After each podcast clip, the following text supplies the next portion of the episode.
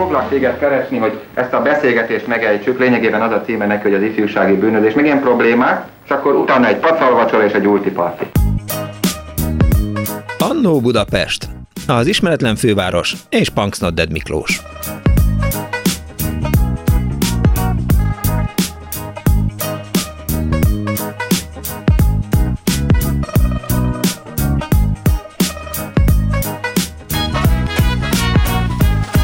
Napot kívánok, kedves hallgatók! Ez itt a Klubrádió, benne az Annó Budapest az önök alázatos narrátorával, Punks Nodded Miklóssal. Nem tudom, hogy éppen mit csinálnak, hogy van, tart még ez a karácsony nevű cirkusz, és mindenki a plázákban rohangál, sorban áll, tömött sorokban várakozik arra, hogy sorra kerüljön. Szóval azt gondoltuk ma a szerkesztőtársammal, Árva Brigitával, hogy, hogy egy kicsit eznek a kelet-európai sajátosságnak, és aztán persze nyilván jönnek hallgatók, akik megmagyarázzák, hogy nem kelet-európai sajátosság a sorbanállás, de azért utána néznénk annak, hogy mi magyarok az elmúlt 50 évben miért álltunk sorba, azon kívül, hogy szeretünk sorbálni, hiszen amikor sorbálunk, akkor meg tudjuk beszélni a világ fontos dolgait, az előttünk, illetve mögöttünk állóval be tudunk szólni azoknak, akik jobbról megelőznek bennünket a sorba, és kivezettetjük őket természetesen. Miközben sorban állunk, magvas gondolatok is születnek a fejünkben, és aztán amikor sorra kerülünk, akkor rácsodálkozunk arra, hogy hát amiért sorba az pont elfogyott kis kutyafáját, már megint így jártam. Szóval sorban állás a téma, mik voltak azok a kurens termékek, amiért önök sorba álltak? Bedobjuk az egy bánfi hajszesz például, és nekem, akinek nincsen haja, azt gondolom, hogyha most lenne egy jó bánfi hajszesz, akkor mindenféleképp sorba állnék hosszú időn keresztül. Naimannal, amikor beszélgettünk a mai műsorral, akkor ő azt mondta, hogy ő Pavarotti egyért állt sorba egészen sokat. Este tíztől másnap reggelig állt sorba, amikor Pavarotti Magyarországra jutott. Szóval álltunk sorba Mauzoleumnál, Mauzoleumnál, eh, Piramisnál, élelmiszerboltban, és még hol. Hívjanak bennünket a 2406953-on, vagy a 2407953-on, esetleg írjanak nekem SMS-t 0630 30 30 953-ra, és meséljék el a leghosszabb sorban állásukat, majd én is el fogom mesélni természetesen, illetve Kemény Dániel barátomat is arra biztatom, hogy ő is mondja el, hogy miért állt sorba. De először kezdjük kedvenc megszólalómmal. Dávid Ferenc közgazdász, a Vállalkozók és Munkavállalók Országos Szövetségének volt főtitkárával, közgazdásszal, a DK gazdaságpolitikussával kezdjük a beszélgetést. Jó napot kívánok, üdvözlöm! Üdvözlöm!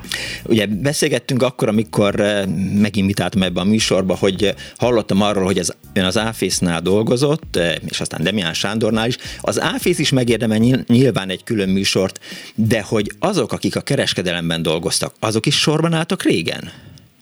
Természetesen. Egy hiánygazdaságban eh, nem volt különösebb lehetőség arra. Csak az volt a kivétel, hogyha abban az ágazatban dolgozott, akkor a hiánytermékhez hozzájutott, de egyébként ugyanúgy sorba álltak az emberek a 60-as, 70-es években, meg voltak azok a termékek, amik teljesen, hogy mi annak idején mondtuk, pult alól lehet csak megszerezni. Mik voltak azok? Hát akkor kronológiában nagyon-nagyon vissza kell menni, durván visszamegyünk 50 évet, ha megengedi. Hogyne? És hát természetesen így is beszéltük meg, míg a műsorra készültük, hogy nyugodtan mondhatok családi emlékeket is. Legjobban. Tehát egészen kisfiú voltam a 60-as évek elején, amikor édesapám a három gyerekével, én a legkisebb voltam, sorba állt az éjjel-nappal közért előtt, a, ez a Rákóczi út és a Lehin körút, ma azt hiszem, hogy Erzsébet körút sarkán levő éjjel-nappali, ahol banánt árultak. Aztán, amikor nem bírtuk kiállni a sort, a papa hazahozta a három gyereket, azt elment vissza sorba állni és megjelen győztesen, hogy van két kiló banán, amiben én rögtön beleharaptam héjasul, mert honnan tudtam volna, hogy, hogy azt meg kell hántani. Aztán ugyanígy történt az, amikor coca hozott haza, az szintén, amikor nekem megkínált, én rögtön kiköptem, mert olyan keserű volt, hogy jaj. Tehát ezek voltak az első gyerekkori élmények, aztán később a, a, a kiskamaszkor, és, vagy ahogy már nőttem, a, a, visszaemlékszem arra, hogy hogy nem lehetett kapni SR26-os versenybiciklit, Hát ugye a farmerról ne beszéljünk, mert az egyik legnagyobb, eh, akkor már 15-16 évesen mindenki azon volt, hogy vagy az Ecserén, vagy Újvidékről, a volt Jugoszláviából, vagy ha valakinek a papája, mamája kiutazik, akkor tudnak hozni eredeti farmert. Itt Magyarországon ráengedték a társadalomra, nem tudom, emlékszik-e, hogy hallott-e ezekről a híres farmerekről, volt a Trapper, Hát a Trapper az, az szerintem még most is van. Az és... ez a Debrecen és Szegednek a rövidítéséből, mm. és volt, ha jól emlékszem, a lengyel Odra farmer. Na, ezek voltak, amit itthon lehetett venni, na de mindenki Libe, Levi Straussba akart járni, Hát ezek voltak a 70-es évekig azok a, a dolgok, amikre rendkívül módon vágyott egy kis kamasz, vagy már éppen nagyobb kamasz. Ezek mind nem léteztek, és ezt mind csak úgy lehetett beszerezni. Aztán később jelentkeztek, amikor az évek múlnak, és az ember mi iránt érdeklődik. Az élelmiszer területén sose fogom elfelejteni, hogy hogyha valaki valami jót akar tenni, és például akar tenni egy kakashere pörköltet, akkor ki kellett menni a 16. keretbe a sportvendéglőbe, ezt az Óbudai Termelőszövetkezet üzemeltette, hetekre előre nem lehetett helyet foglalni, és akkor ott lehetett ilyet venni, de ünnepek környékén meg egyébként is nagyon nagy problémák voltak azzal, hogy például valaki pacalt akart venni, a pacal hiányzik volt, csak ha jó hentes ismerőse volt, azt tudott szerezni ilyeneket. Tehát végtelen a, végtelen a sor. Mikor már később elkezdtem dolgozni a 70-es évek második felében, és vendéglátó vállalatnál dolgoztam, akkor ugye augusztus 20-a előtt nagyon fontos volt, hogy mindenhol legyen sör. De a sör az keretes áru volt. Tehát az micsoda? A budai vendéglátónál voltam áruforgalmi előadó, és állandó telefon kapcsolatban voltam a sörgyárral, a kőbányai sörgyárral, ami akkor természetesen magyar tulajdonban volt, hogy, hogy a, keretes, a kereteken kerül lehet-e még sört rendelni, mert nagyon nagy a meleg, és nagyon rossz lenne azt mondani, és augusztus 20-a akkor nem Szent István ünnepe volt, hanem az alkotmány ünnepe, tehát politikailag is rendkívül fontos volt, hogy ne legyen hiány. És ha mégse tudtak ö, ö, szállítani, akkor bizony üvegenként mindenféle nem teljesen tiszta pénzekből rá kellett tenni két forintot üvegenként, hogy a pótkocsi zil teherautó felén kanyarodjon, és ne másfele. De mit jelentett az, hogy keretes áru? Bocsánat. Ott ja, volt az nem. egyik legnagyobb, amire visszaemlékszem, akkor már az áfész rendszerben dolgoztam, uh-huh. hogy honnan lehet hűtőgépet szerezni. Na most a Jászberényi Lehel hűtőgépgyárból lehetett, soron kívül szallagról vették le a gépeket, semmiféle minőségi bevizsgálás nem is látta a kiskereskedelmet, és abban a pillanatban már nem is az illetőhöz. Hát akkor ilyen tétek voltak, hogy, hogy egy hűtőszekrény sokat számított. És talán a, a rendszerváltás előtti utolsó nagy élményem a, a hiánygazdaságból az az ITT televízió volt, akkor már az Áfészek Országos Szövetségénél, akkor még Szövosznak hívták, tudtunk úgy szerezni, hogy kapcsolatba álltunk a Skála ITT-vel, és ahogy jöttek le az a akkori színes tévék a szalagról, azokat már, a, hogy mondjam, a fontosabb uraknak, elvtársaknak befoglaltuk, és bizony direktbe ment e, nekik ez a dolog. Ez egy, egy komoly munkakör volt, tehát ha valaki a, a Jászberényi hűtőgépgyárral, vagy az ITT összeszerelőjével kapcsolatban volt, egy nagyon fontos ember volt, mert, mert ugye tudtunk ilyet szerezni. És hát aztán legvégén, mert nem akarom terhelni önt. De nem terhel, meg sőt, még kérdéseim is hát vannak ráadásul. autóvásárlás volt uh-huh. a, a központi kérdés, a visszagondol, vagy visszagondolnak a hallgatók, Hát, igazából egy, egy a jobban felszerelt Zsigulira 5-6 évet kellett várni, igen. És igaz, utána rögtön voltak több, több befizetése volt, és utána, hogyha ügyesen tudott seftelni, akkor még átadta másnak üzemben tartási engedélyre, de emlékszem rá, egy három-négy éves zsiguli, vagy lada, ahogy tetszik, az drágább volt, mint újonnan. Tehát elképesztő viszonyok voltak, mindezt a hiánygazdaság teremtette meg. Nagyon megmondom őszintén, ma így 35-40-45 év távlatában mosolygok a történetem, de azért akkor egyáltalán nem volt mosolyfakasztó. Egyáltalán. De Dávid úr, mit jelentett az, hogy keretes termék? Ugye a sörnél a említette ezt. Az azt jelentettem, hogy a, a, az adott vendéglátó vállalat szerződéses viszonyban állt egy elosztóval, mondjuk a kőbányai sörgyárral, vagy hogyha égetett szeszről van szó, az akkori budapesti likori, likoripari vállalattal, uh-huh rövidített neve Buliv, és le volt szabva éves szinten, hogy milyen mennyiségűt rendelhetünk tőlük. Hm. Ez eddig nem volt nagy trükk. A trükk az volt, hogy a kereten felül limitálva volt a mennyiség. De akkor azt hogy gazdálkodta ki, amikor két forinttal... volna a mennyiség, ott jött jön a kiskapu, és rögtön mindenki megpróbál okosba megoldani dolgokat. Mindenki ezt tette Magyarországon. De értem csak, hogy, hogy honnan tudta kigazdálkodni azt a két forintot, amelyet üvegenként rárakott, hogy mégiscsak jöjjön az ila a sörrel augusztus 20-a előtt. Rendkívül egyszerű a megoldás. Igen? Meg fog lepődni. Hát nem, nem, nem a vállalatnak, hát nem nekem kellett a két forintot rátenni az üvegre. A, a vendéglátós, a kocsmáros, az éttermes, a sörözős örömmel tette rá a két forintot. Ő viszont, akkor ugye bizony az üzemeltetések már hogy mondjam, gebines módon működtek. A gebines azt jelenti, hogy nem darabra kellett elszámolni, hanem csak értékkel. Uh-huh. Ő ezt vastagon megkereste aztán a sörárán. Tehát ezzel semmi probléma nem volt. Hát a probléma az, hogy hiány volt. Ja, értem. Az, hogy a két forintot hogy kell rátenni üvegenként, ott világon senkinek nem volt probléma. És még ők voltak hálásak, hogy mi tudtunk így sört szerezni, hogy ők feláradták csak megkapni. Értem. Akkor egy kicsit visszamenjünk. Tehát aztán édesapja szólt önnek, hogy a banánnak nem kell megenni a héját? Igen, igen, igen, igen, nem, nem fenyített meg. Nagy csoda volt. Ez drága fiam, akkor már jobb, jobb volt a történet. Értem. Azt, azt el, elhiszem, hogy, hogy banán nem jutott az országba kevés. Megpróbáltam most utána nézni az elmúlt 48 órában annak, hogy mikor jelent meg a banán Magyarországon. Ugye a 20. századhoz kapcsolódik ez. Azt nem tudom, hogy 1945 előtt egyáltalán jutott-e banán Magyarországra, és mit tudom én, az Miss Arizona nevű mulatóban lehetett banánt kapni. De ugye vannak aztán banánérlelő üzemek is működtek Magyarországon, de hogy oké, okay, banán az nincsen, de pacal miért nem volt? Pacal miért volt kurens cikk?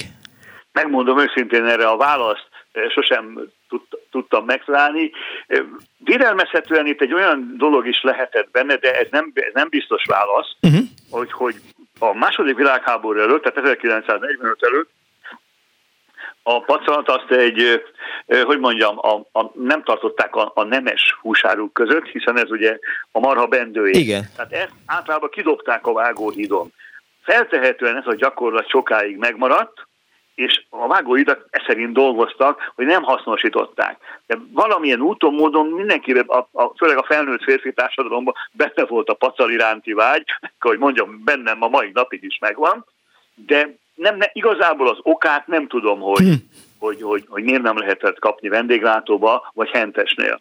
Ja, lehet, hogy úgy, úgy nőttek a malacok Magyarországon, hogy, hogy nem volt ö, ö, gyomruk, pacaljuk, de most vicceltem, tehát ez, ez, ez nyilván a... a... Hát, rengeteg ilyen, ilyen, ilyen megmagyarázhatatlan ö, ö, dolog van, én sose találtam meg a választ arra sem, hogy például miért volt hiányzik az unikum. Tehát, hát azért, mert ja, most azt mondom, hogy jó, akkor biztos, hogy... ismerősöktől lehetett szerezni. A másik, ami mindig meglepő volt, hogy ez mindig szezonálisan működött, tehát például Magyarországon, ha visszatérünk a banára, vagy bármelyik déli gyümölcsre, mandarina, narancsra, uh-huh. banára, mindig csak karácsony környékén jelentek meg, holott a, a, a termelők Igen. bármikor hozhatták volna ebbe az országba, de mégis ilyen, ilyen központi módon ki volt osztva, hogy körülbelül ebbe az időszakban, amely most vagyunk, tehát átven negyedik vasárnapján, Ilyenkor volt narancs, ilyenkor volt banán, ilyenkor volt eh, mandarin, uh-huh. és, és máskor nem volt. Igen. Meglehetősen fura ez. Eh, pontos az, hogy kelet-európai sajátosság a sorban állás élelmiszerért? Hát ugye én csak a saját életemről eh, tudok beszámolni önnek, ami azért nem rövid, mert 65 éves vagyok. Én ezt Kelet-Európába éltem meg, mert ugyanez a hiány volt Romániába, ugyanez a hiány volt Bulgáriába, és az ember azért tudta szabad tapasztalni, mert például 18 éves koromig csak különleg nem is jártam Nyugat-Európában, uh-huh. először az életem végén, már 20 22-23 éves koromban jártam Nyugat-Európában, ott ezt nem tapasztaltam. De viszont Lengyelországban, hát főleg 1980 környékén, amikor a, a Jaruzselszki diktatúra hatalomra került, hát Lengyelország teljes kifosztásba, Románia standardáru hiányba. A románok ugye mindent exportáltak Igen. is, tehát ha volt is valami, azt is kivitték az országból. Tehát, tehát mi nekünk kelet-európai, nekem kelet, a fiatalkoromban kelet-európai tapasztalataim vannak csak. A kelet-európai országban a legjobban ellátott, ha amennyire én visszaemlékszem, és oda utazhattunk is, ez a, a, a valamikori NDK, tehát a Német Demokratikus Köztársaság, amíg föl volt ugye tuningolva azért, hogy méltó versenytársa legyen a nyugati részen levő németeknek, de és nagyon jó termékeket is. Aki fényképezőgépet, háztartási gépet akart venni, az ment az NDK-ba, mert ott jókat lehetett kapni, és volt is. Az NDK viszont azért volt borzasztó viszony helyzetben, mert ott meg az autóra 11-12 évet kellett várni, nem hiszi el, én, én voltam kint többször az NDK-ban, a megszületett gyerek, amikor megszületett egy csecsemő, akkor befizettek egy Trabantot, vagy egy Walsburgot, akkor mi a nagykorú ezt megkapja. Ott ebbe volt hiány. De mindegyik kelet-európai országa jellemző volt az áruhiány, és akkor volt ugye a félig szocialista, el nem kötelezett Jugoszlávia, ahonnan aztán hoztuk be a rumpuncsot, meg hozták be sokan a rumpuncsot, meg lehetett újvidéken farmert venni. Farmert kapni, meg lemezeket. Farmert, nem odrát, nem derszit és nem trapper, hanem eredeti olasz csempészet farmereket. Én ezt kelet-európai sajátosságként éltem meg, de vélelmezem, hogy a második világháború után Nyugat-Európában is volt áruhiány, de azt ha, hamar felszámolhatták. Értem. Köszönöm szépen, hogy rendelkezésünkre állt. Köszönöm szépen, hogy További kellemes napot kívánok. Boldog karácsonyt, viszont hallásra. Boldog karácsony.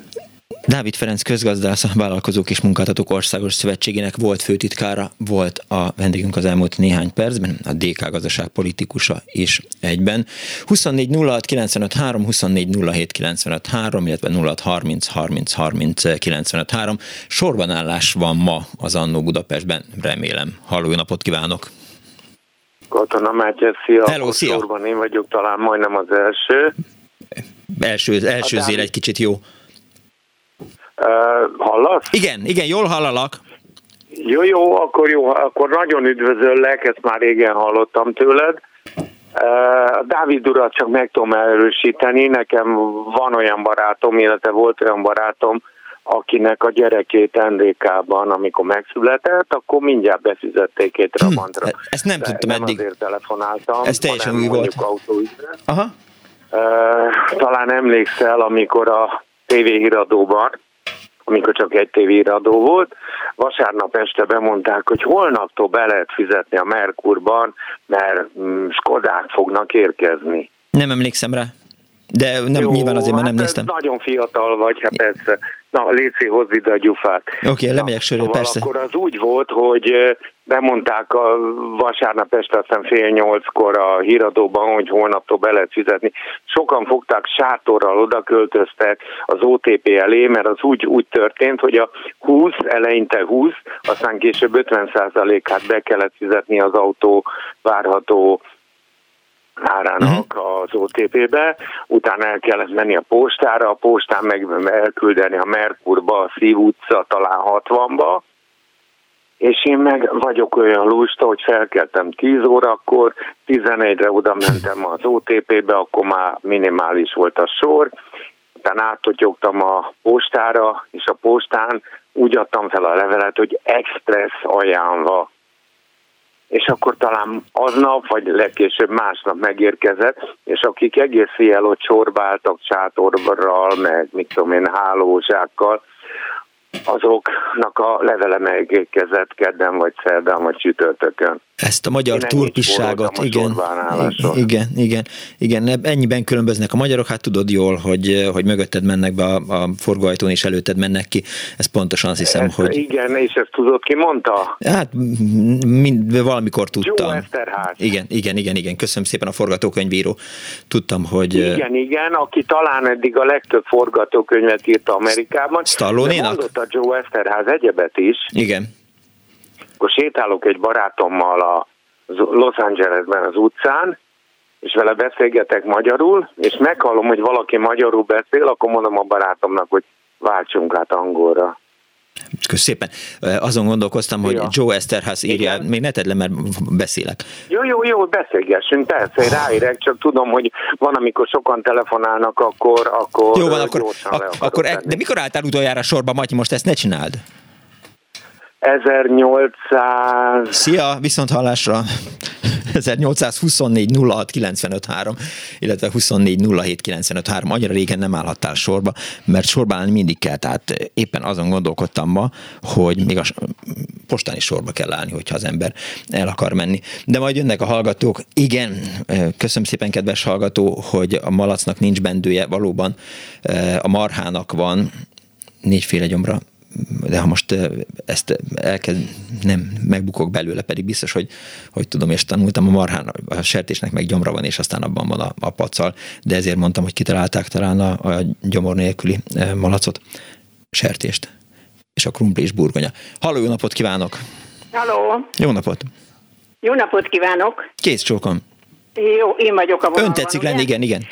Van a marhának is bendője, meg a sertésnek is van olyan része, amiből van marha és sertéspacal. Mm, de jó, köszönöm szépen, hogy megmentett. A következő a helyzet.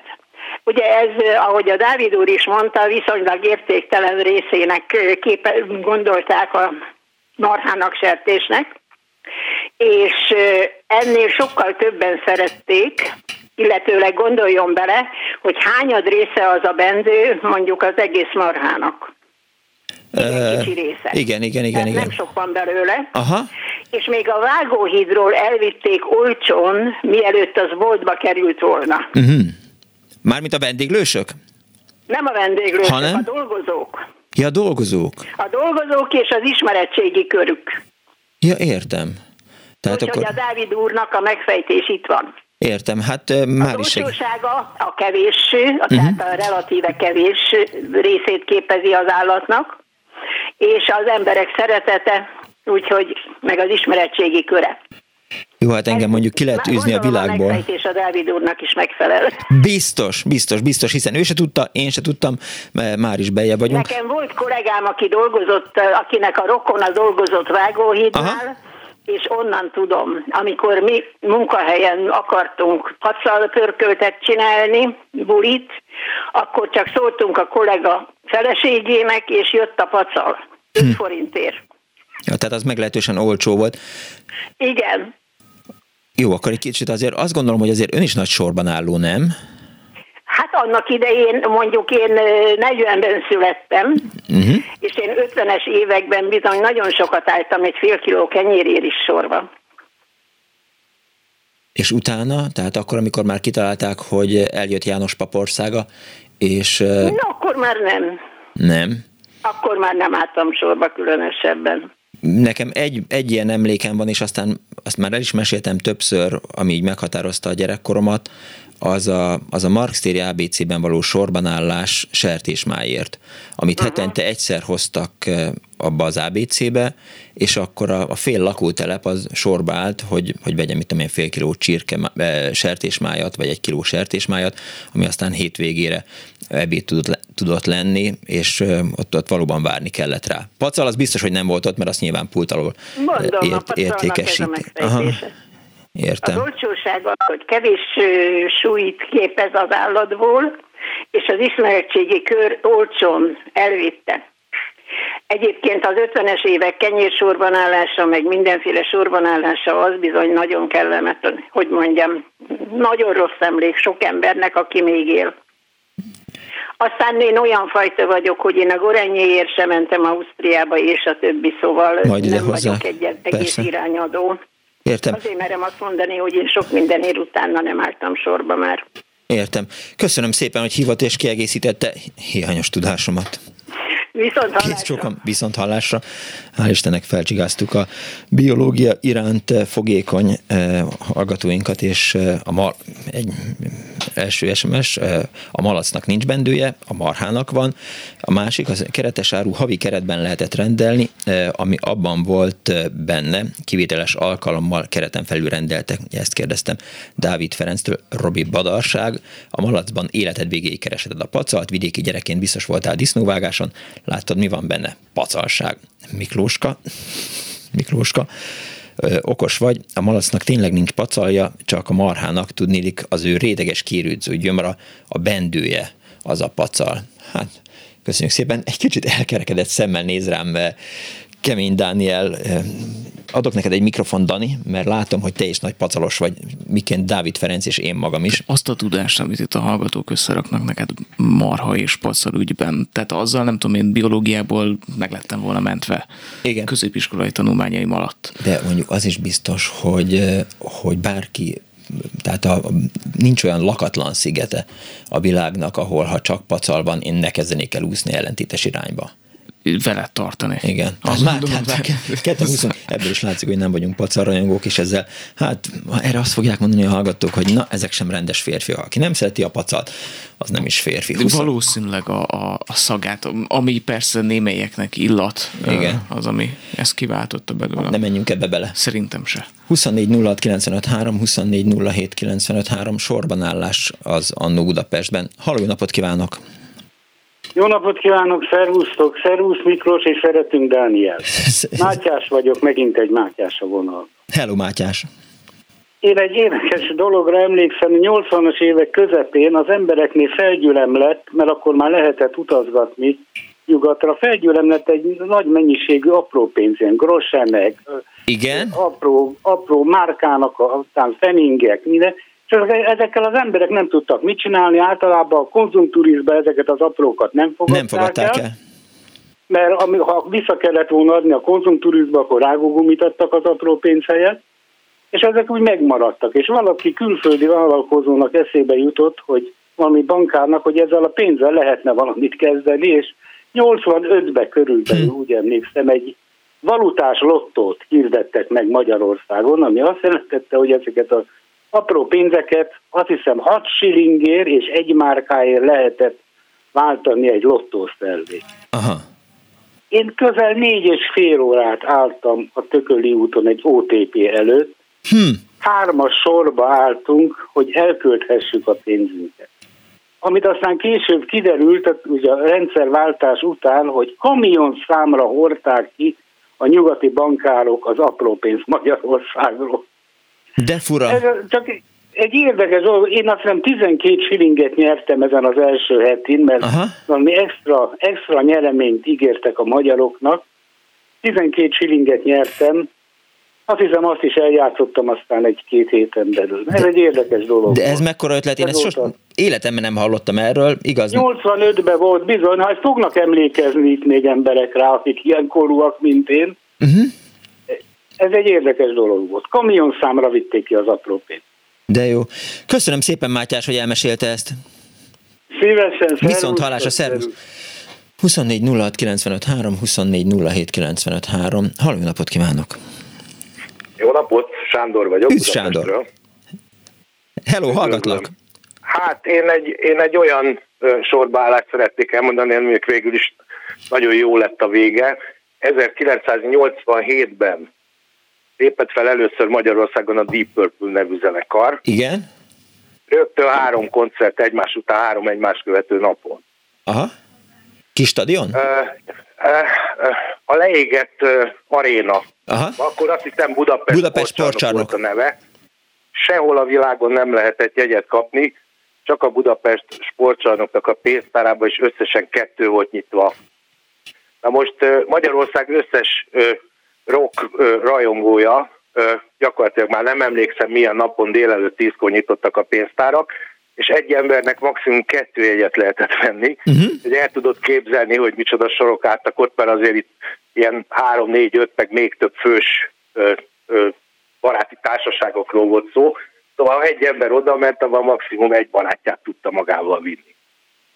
Na most a dolgot tetézte, hogy Hát olyan mínusz 10, mínusz 12 fok volt, mert január végén voltak ezek a koncertek, és január elején, közepén kezdték el árulni a jegyeket. Uh-huh. Úgyhogy nekünk az volt a taktikánk, a haveromnak volt egy trabantja, eh, hát az ugye tudjuk mennyire volt fűthető. Semennyire. Felváltva álltunk sorba, 20-20 percenként váltottuk egymást, tehát inni ugye nem tudtunk, illetőleg csak az egyikünk, aki vezetett, az nyilván nem ihatott. Úgyhogy körülbelül olyan két és fél-három órás ö, ilyen fagyoskodás után hozzájutottunk nagy nehezen négy koncertjegyhez, az, ami viszont kompenzálta ezt a kellemetlenséget, az, hogy maga a koncert az fergeteges volt, úgyhogy gyakorlatilag, amit, amit eddig hallgattam a műsor, tehát nem olyan, hogy mondjam, jó emlékek ezek a sorbálások, de ez speciál ilyen szempontból azt mondom, hogy utólag megérte szétfagyni ott a Budapest sportcsarnok előtt. Tehát mondjuk megoldhatták volna ezt akkor másképp is. Esetleg kinyithatott volna több pénztár, uh-huh. vagy nem tudom, hogy lehetett volna valahol mondjuk az országos rendezőirodába is kapni egyet.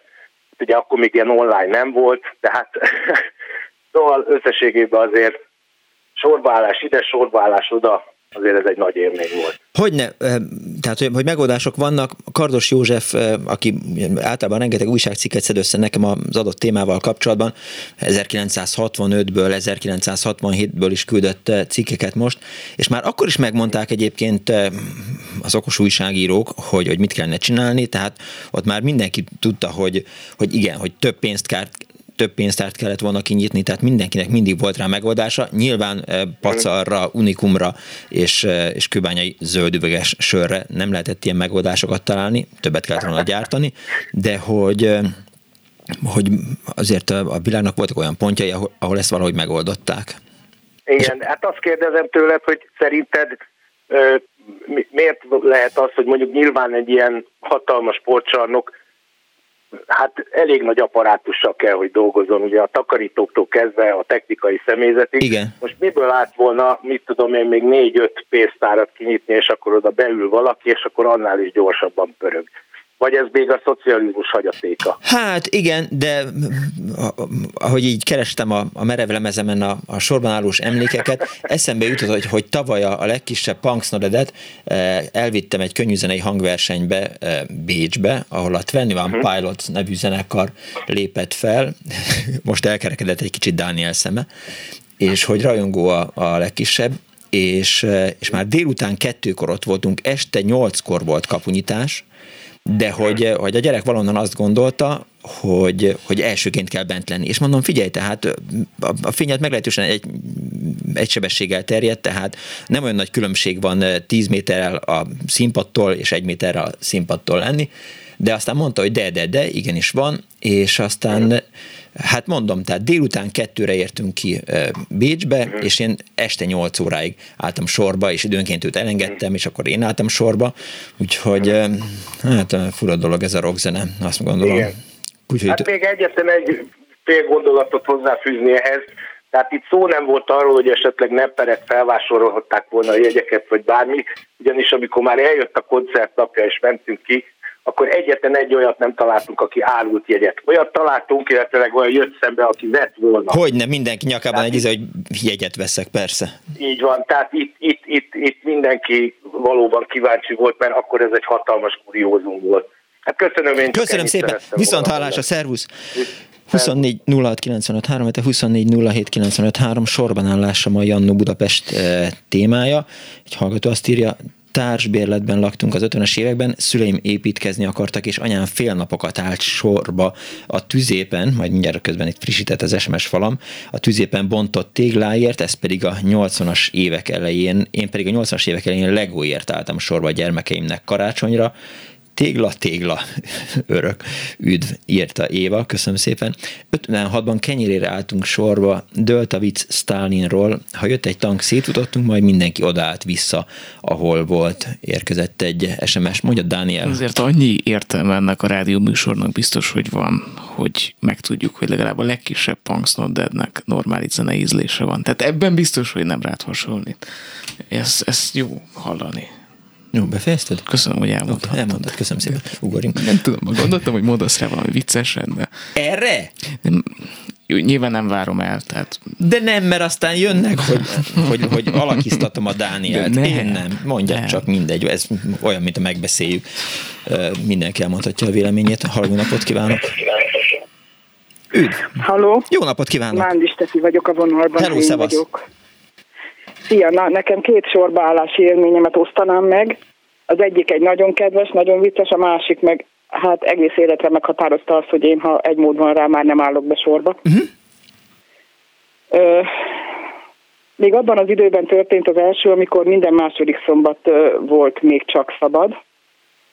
És Igen. én ugye akkor intéztem a, a nagy bevásárlást. És az egyik kolléganőm férjével, meg a kisfiával keveredtünk egymás mellé. És hát tudod, kisváros egyetlen nagy ABC volt. Igen. Tényleg valami háromnegyed órás sor volt a pénztárnál, iszonyatos volt. És hát a gyerek rettenetesen bőgött. Uh-huh. Egy olyan négy-öt éves forma kisfiú volt, nagyon sírt a gyerek, és hát mit tudtam volna csinálni, elkezdtem, ugye tudod, ilyenkor egy idegen mindig jobban meg tudja nyugtatni, ha valami érdekeset feldob neki, elkezdtem beszélgetni a kisfiúval, aki ugye el is hallgatott, és akkor csacsogtunk, csevettünk, keveredtünk előre a sorba, és ők fizettek előtt, tehát előttem álltak, uh-huh. és amikor fizetett a, az anyuka a pénztárnál, a kisfiú így megrángatta az apja kabátját, hogy apu lehetne, hogy inkább a néni legyen az anyukám. Igen. Ezt ugye az öt évesek, tudod, jó hangosan, ja, persze, igen, igen, igen, igen, hogy ne. Így sikerült szereznem egy halálos ellenséget a munkahelyemen. A, a másik az egy NDK-s történet. Erfurt környékén voltunk egy, akkor egy ottani nagy ruhagyárban, ilyen tanulmányúton, uh-huh. ilyen szakmai tapasztalatcserén, és egy vasárnap elvittek bennünket kirándulni. És autóztunk vagy másfél órát, ki az ipari városból, gyönyörű hegyekben minden. Elég hosszú autóút volt, és beálltunk egy erdei vendéglő elé, hogy majd mi ott megebédelünk. Igen? Két és fél órát álltunk sorba, azért, hogy bejussunk a vendéglőbe ebédelni. Aztán utána visszaültettek bennünket az autóba. A, a gyönyörű hegyeken keresztül megint autóztunk vagy két órát, és beálltunk egy másik erdei vendéglő elé, sorba azért, hogy meg tudjunk vacsorázni. És ott is álltunk sorba vagy másfél órát, és gyakorlatilag ezzel telt a, a vasárnapi kirándulás. Ott azon a gyönyörű tájékon. Hát én azóta nem szívesen állok be. Tehát azért, hogy kaját vagy élelmiszerhez jussak, azért nem állok be sorba. Lehet, hogy ez a, a Kelet-Európában így bele volt kódolva, vagy bele volt programozva az emberek szabadidejének eltöltésén, tervezett eltöltésébe, ugye irányított szabadidő, hogy biztosan biztos álljanak sorba, addig sem gondolkoznak hülyeségen, de persze, amikor sorban áll az ember, akkor nagyon sok hülyeség jut eszébe. Például azt nem tudom, hogy az emberek miért állnak öt órán keresztül sorba Moszkvában a, a Lenin mauzóleumnál. Hát nyilván azért, mert azt mondták neki, hogy, hogy meg kell nézni Lenint, és édesapámnak az állandó tréfája volt, hogy, hogy anyám nem állt sor, mert hogy izé egy rubelért kihozták neki, és megmutatták. Ennyire nem volt jó humorú a Pám Dániel, hogy most ezen így nevessél, és Jobb, mint a. De, jó, tehát de, azt, azt jó, de, jó, de tehát tudod, hányszor hallottam én ezt a történetet? És aztán... Nekem ez a két NDK-s, NDK-s vendéglő előtti sorban állás tényleg borzasztó volt. Igen, igen. Jól van, köszönöm szépen, Stefi. Egyébként utoljára tudod, mikor álltam sorba? Na, fél órája. Most, nem, most vagy két éve az ügyfe az okmányirodában került valami három és fél órába a sorszámos személyigazolványcsere. De, Azt de, mondjuk muszáj igen, volt. de az régen volt, de most már uh, úgy működnek az önkormányzatok, hogy, hogy 5 perc a, a személyigazolvány és az útlevél megnyugtatlak. Úgy legyen. Jó, jó. Köszi, hello! Köszi, sziasztok! 24 a 24 a Facebookon is hozzászóltak a kedves hallgatók a műsorhoz, és beleírtak történeteket, amiket a drága szerkesztőm Árva Brigitta ki is printelt. Azt írja az egyik hallgató, hogy 2014-ben Róma Circus Maximus Rolling Stones koncert 11-től 14-ig, tehát kapunyításig, majd ott a színpad előtt kb. 21 óráig akkor kezdődött a koncert. Előtte valamikor volt egy kb. egy órás John Mayer, de a helyet nem lehetett elhagyni, mert akkor lőttek az első sornak, oda többet nem lehetett visszajutni, értsd, WC-re sem. Június volt hatalmas kánikula, nagyon féltem, hogy nem fogom kibírni, de amikor berobbantott berobbantak, sima ügy volt. Utána még órák alatt jutottam ki és vissza a szállásra a tömegközlekedéssel. Embert próbálom nap volt, sosem fogom elfelejteni, írta ezt Szántó Szilvia az Annó Facebook oldalára. Anyukám húsér állt sorba, írja Mónika Drevenka, Drevenka Mónika. Engem otthon hagyott egyedül, mikor fölébredtem, és nem találtam senkit otthon, kinyitottam a kis ablakot, és zokogva kiabáltam anyu után. Ki kellett állni a sorból, azon a hétvégén nem volt hús, a családi legendárium szerint. Ágoston Zsura azt írja, hogy Magyarországon banánért állt sorba, míg a kirakat is betört, akkor volt a lögdösödés Marosvásárhelyen. Gyerekkoromban, ha sort láttunk, álltunk a végére, azt jelentette, hogy érkezik, idézve kezdődik valami. Általában húsféle valamilyen csirke, vagy sertés, fagyasztott, vagy nem. Fenyvesi Péter pedig azt írja, hogy én az Eiffel toronynál láttam a leghosszabb sort, ki is hagytam, mi azt hiszem, hogy Firenzében hagytuk ki az Uffidzit, mert iszonyatos sor állt. Itt a második hallgatói üzenetből azt szűröm le, hogy ha volt egy sor, akkor inkább beálltál, mert jöhetett valami. Igen. Tehát nem is feltétlen tudtad igen. azt, hogy igen. igen. Szerintem Moszkvában is ez volt. Sorba? Igen, szerintem Moszkvában pontosan ugyanez volt, de majd megkérdezzük Hardi Mihályt, hogy, hogy az ember biztosan, hogy biztosan látott egy sort beállt, mert a végén valamit csakadtak, vagy gumicsizmát, vagy színes tévét, vagy, vagy merülőforralót. Ez de érdekes. Hát én inkább mondanám azt, hogy mennyire szomorú. Halló, jó napot kívánok! Szervusz Miklós, itt a Gáborban. Hello, szevasz, szevasz, üdvözöllek! Na, én ö, ö, először is a, a hölgyet, aki előttem szólt NDK ügyben erősíteném meg. Nekem egy borzalmas blőd élményem volt NDK-ban, Lipcsei főpályudvar restiében, amikor oda mentünk ebédelni, olyan fél egyfelé, és hatalmas betűkkel ki volt írva, hogy mittagspause, tehát ebédszünet. Oké. Okay. Egy, a, ami sorbanállás élmény, az Moszkvához kötődik, persze jó, jókat edzettem én a 80-as években idehaza is. Nem tudom, valamelyik pártfőtitkár pont akkor halt meg, tehát ilyen váltás volt. Sétáltunk egy barátommal nem is tudom, ma valamelyik lakóterepen, és egy hatalmas sort láttam, asszonyok álltak kosarakkal sorba, uh-huh. természetesen veszekedtek. Amikor is megjelent a bárisnya az üzletből egy tintaceruzával, megnyalta, és sorban mindenkinek beleírt egy számot a tenyerébe. Ez igen. Megszűnjön, hogy, hogy megszűnjön a veszekedés. Aha. Nekem ez az emlékezetes. Említette Dávid úr, hogy Lengyelország a 80-as években nagyon le volt pusztítva. Én akkor kinnéltem. Hát természetesen ott is mindig, mind, mindig mindenért sorba kellett állni. Igaz, hogy ott tudták, hogy miért, tehát melyik bolt éppen mit árult, de ott az igazi csencselés az akkor kiadott, illetve használt kenyér, alkohol, cukor, stb. jegyekkel folyt. Uh-huh. Én például kinéltem, és, és nem, nem ittam alkoholt, mai napig sem iszom. Én elcseréltem édességre. A lengyel csokoládék azért eléggé. Jók voltak, igen, igen, igen, igen. Jók voltak, és még ma is azok. Na, ennyit szerettem Köszönöm szépen. mondani. Igen, hát ne felejtsük el a, a lengyel tejkaramellát, ami hát azt, azt hiszem, hogy világszínvonalú. És, és még krófkát is. De még... nem, azt, azt nem, le, nem kellett jegyre, az mindig volt. Aha. De jó. Köszönöm szépen, Gáborbá. Szevasz. Szervusz, viszont hallásra. Sorban állás. Haló. Jó napot Halló. kívánok. Jó Én napot kívánok. Ön tetszik lenni. Keresztúri Kata vagyok. Kész csok Kata az a helyzet, hogy én a kenyér miatt és állás miatt telefonálnék, no.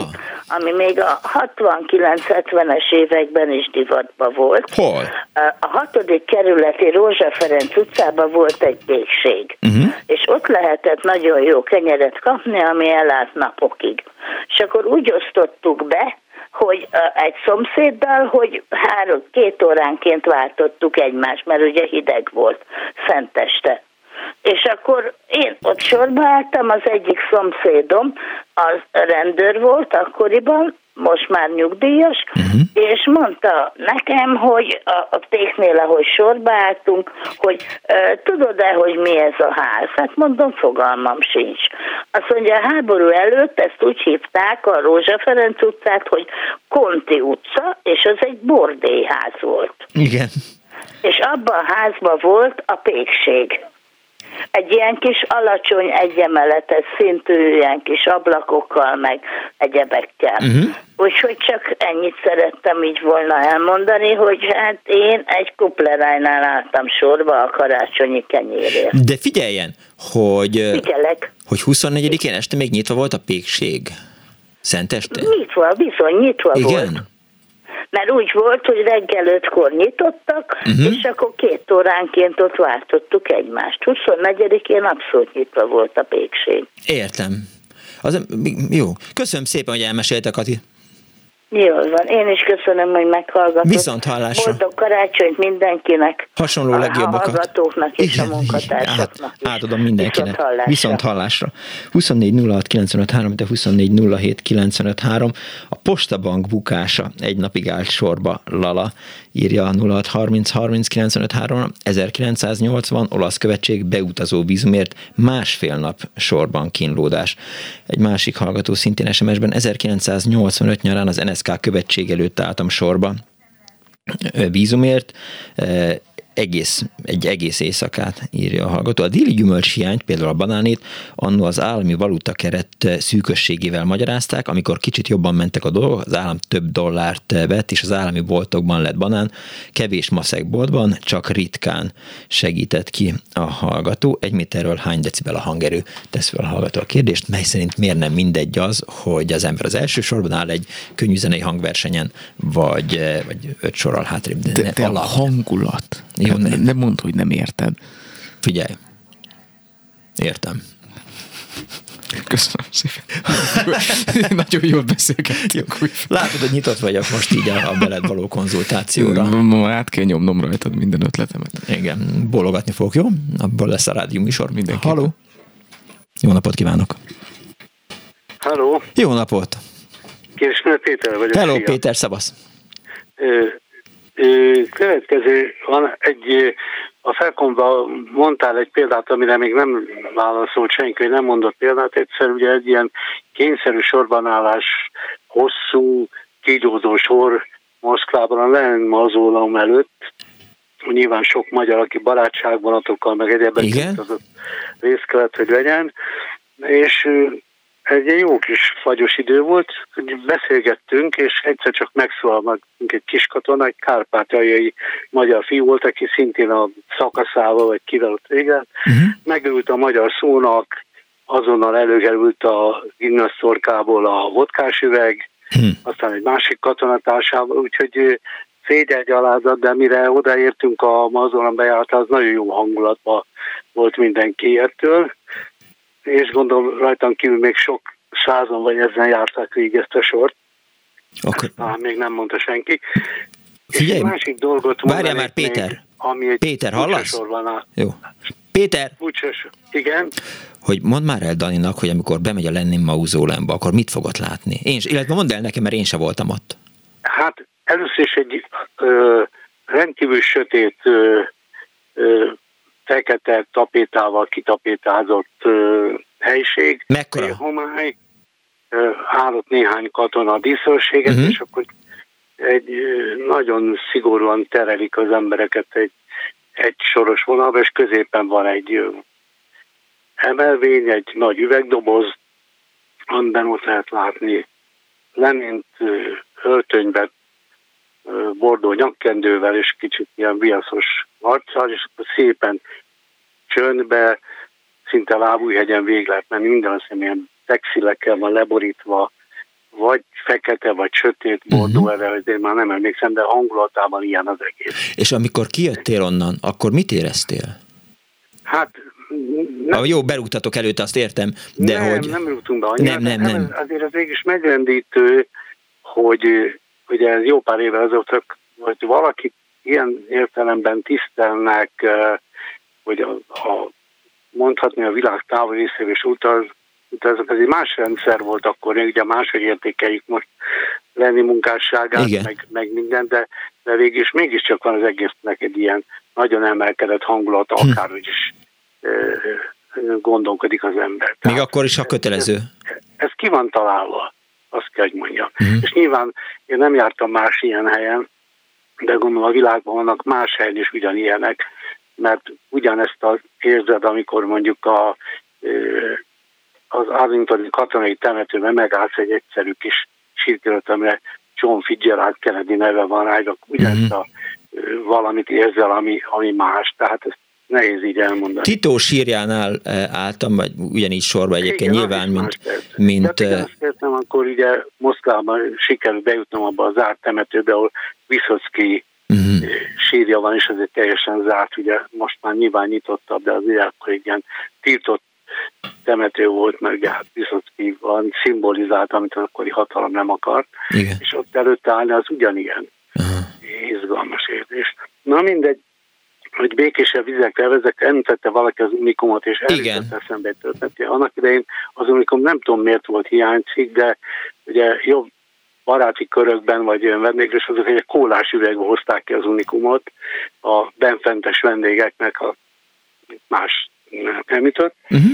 És most van egy reklám, ugye ez, ez az adás nem a reklám helye, de mégis egy számomra nagyon emlékezetes sorbanállás volt, eljutott eszembe. 2002-ben volt a Szigeten egy egész napos LGT fesztivál, biztos sokan emlékeznek Igen. rá. Fantasztikus hangulata volt, és ugye ennek az volt a sajátosság, hogy vége lett, és akkor mindenki, aki volt családokkal, gyerekekkel, mert ez egy ilyen piknikszerű dolog volt, próbált egyszerre kimenni a szigetről, amit mondom, el tudom a hallgatók képzelni, hogy milyen lehetett, iszonyú tumultus azon a szűk kiáraton, az emberek olyan rossz érzése volt, hogy nagyon sokan voltak gyerekkel a nyakunkban, a családok, minden. Tehát ez egy ilyen nyomasztó sorban indult, és akkor egyszer csak valaki adta a sor legelején a tömegbe, elkezdte énekelni az LGT slágereket, már nem emlékszem, hogy vitt, de valamelyikre rázendített. És abban a pillanatban az egész tömegre egy ilyen nagyon békés, nagyon nyugodt, nagyon barátságos hangulat, végig nem lett tülekedés, mindenki kicsit távolabb tudott, hogy legyen hely a gyerekeknek, és nem is tudom, mert biztos, hogy legalább egy órát álltunk sorban, mert itt adtunk a szigetről, de ez valami olyan jó érzés volt, hogy, hogy erre a sorban állásra mindig emlékszem. Köszönöm szépen, Péter, hogy elmesélted. Nagyon szívesen. Viszont hálás, szervusz. karácsony mindenkinek. Köszönöm, Has, hasonló legjobbakat. Ja. 24 06 95 3, 24 07 95 3, SMS-ben 06 30 30 30 95 3. Meséljék el a legemlékezetesebb sorbanállásukat, legyen az koncert, mauzóleum, temetés, vagy déli gyümölcs, esetleg megbeszélhetnénk azt is, hogy most akkor hogyan is volt ez az unikummal, majd valamit én is mondok. Utol, egy hallgatói SMS-ben utoljára mai rezsim alatt 2015-ben a Honvéd Kórház sürgősségi osztályán álltam, illetve feküdtem sorba, miután a mentők letétbe helyeztek. Három óra van, hírek jönnek.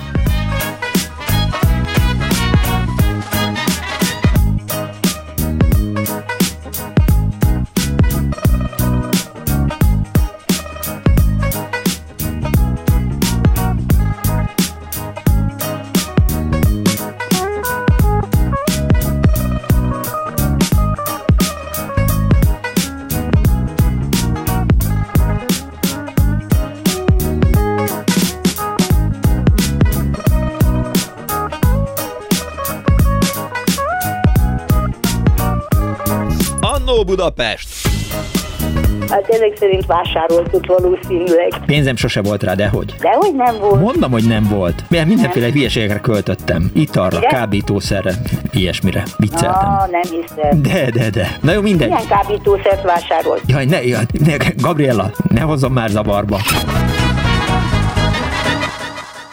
Mert ez a kis éppen olyan jó, és éppen azt teszi, amit kell. Annó Budapest, az ismeretlen főváros és Punksnodded Miklós.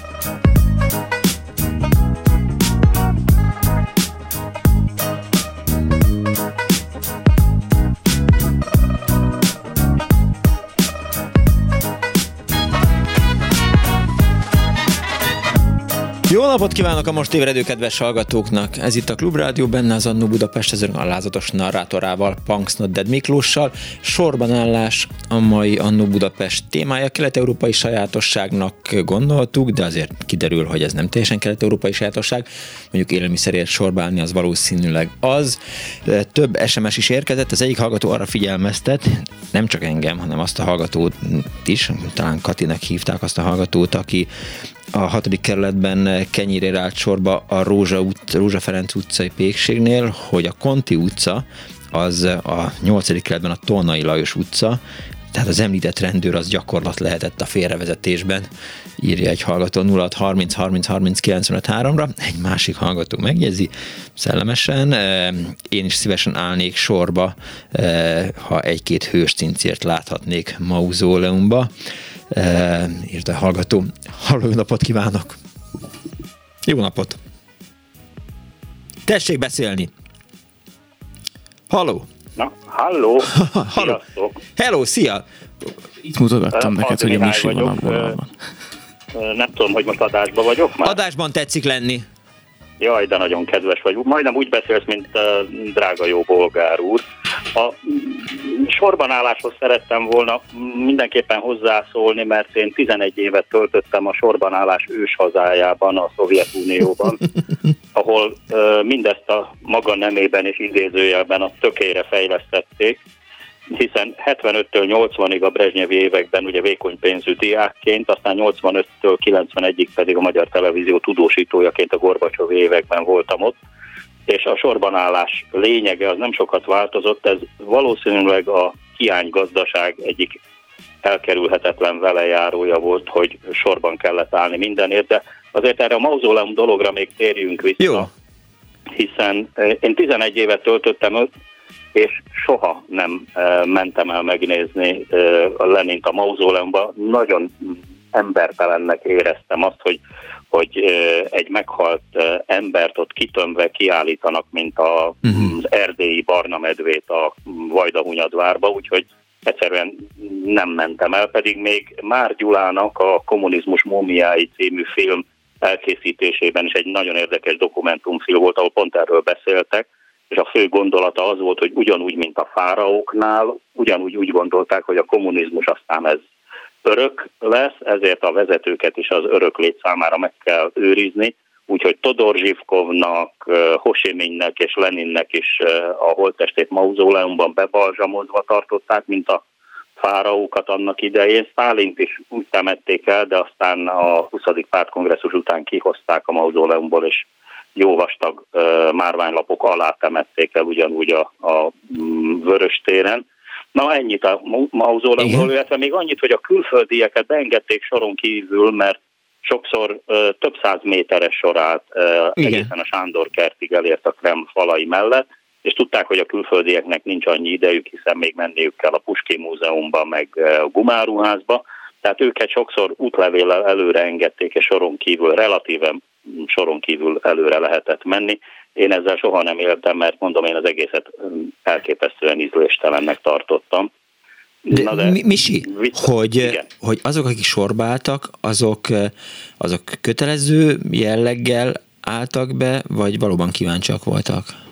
Én azt gondolom, hogy is is, hiszen ez például a vidéki pionírok számára, vagy az iskolások számára, ha jöttek föl Moszkvába, akkor ez egy kötelező gyakorlat volt, mint ahogy a turista csoportok, főleg ha kelet-európaiak voltak, akkor ez ugyanúgy kötelező, vagy érdekes program volt bemenni és megnézni Lenint a mauzóleumban. Úgyhogy, úgyhogy mind a két uh-huh, értem. ok az, az szerepet játszhatott ebben. De ami az érdekes, a sorállással kapcsolatban, hogy sokszor erre talán kevesen emlékeznek, de Magyarországon is sokszor volt olyan, hogy egy üzleten belül is háromszor kellett sorban állni, mert egyszer sorban álltál a pultnál, amíg megkaptad a terméket, ott írtak egy blokkot, uh-huh. azzal beálltál a pénztárhoz a sorba, ahol beütötték a, a másik blokkot, Igen. kifizetted, és utána elmentél az árukiadóhoz, és ott harmadszor álltál sorban, hogy kiadják neked azt a terméket, amit megvettél. E, ez azt hiszem, vagy könnyen előfordulhat, hogy ez a Szovjetunióból importált kereskedelmi eljárás volt, mert ott ez nagyon sok helyen így volt. Egyébként meg az emberek sorba álltak mindenért, amit lehetett kapni, és őrületes mennyiségeket vettek belőle, tehát miután Magyarországon relatív jólét volt a Szovjetunióhoz képest, már akkor is, amikor diákként kimentem, nem értettem, hogy amikor mondjuk Párizsihoz hasonló felvágottat lehetett kapni, akkor miért vesz valaki rögtön egy egész rúddal? Vagy, vagy miért vesz valaki 10 kiló magyar almát, ha véletlenül lehetett kapni? Ezt egyébként sokszor egyenesen a teherautó platójáról árulták, oda ledobtak egy mérleget, és onnan árusították, uh-huh. be se került a boltba, annyira nagy volt iránt a kereslet.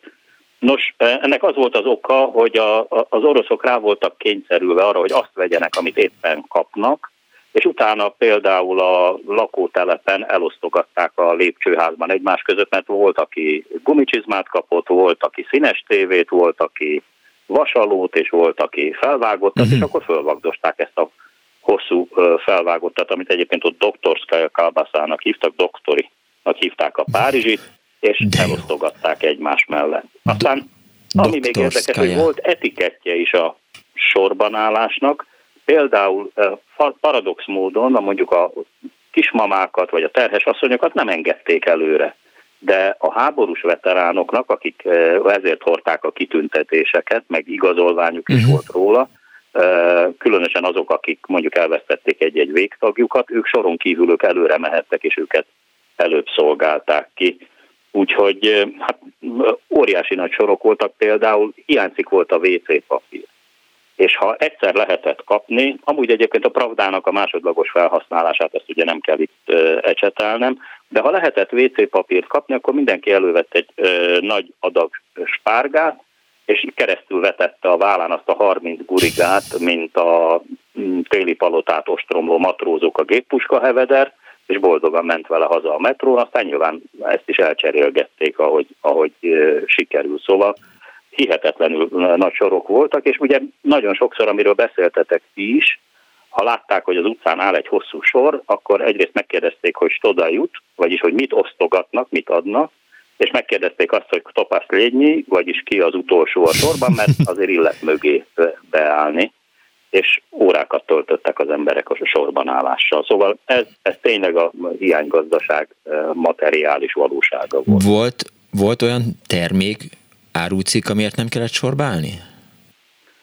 Hát érdekes módon a Gorbacsov időkre gyakorlatilag teljes mértékben összeomlott a gazdaság. Uh-huh. Én a mai napig őrzök például vodka jegyet, amit gondolhatod, hogy Oroszországban ez, ez me- mekkora skandalum volt, amikor mondjuk egy e, hónapra valaki kapott három vagy öt fél literes vodkára e, elegendő jegyet, mikor az oroszok ennél lényegesen többet Naponta, igen, igen.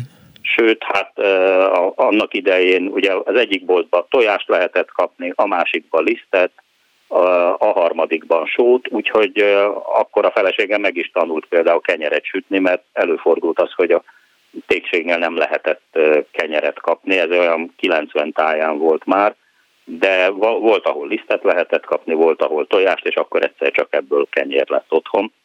Nem ez volt azért a, a, egészen a napi gyakorlat, de minden hiányciknek számított, és minden a, az átlag silány szovjet terméknél egy picivel is jobb termék. Tehát például a magyar Jonatán alma, vagy a, vagy a tokai borkombinátban pancsolt borok, vagy a bolgár BT cigaretta, ami ugye a bolgár tabaknak volt a rövidítés, egy füstszűrös cigarettáról volt szó, vagy a vagy a csehszlovák sílét, uh-huh. ezeket tömegével vásárolták föl az emberek, ki voltak rá éhezve.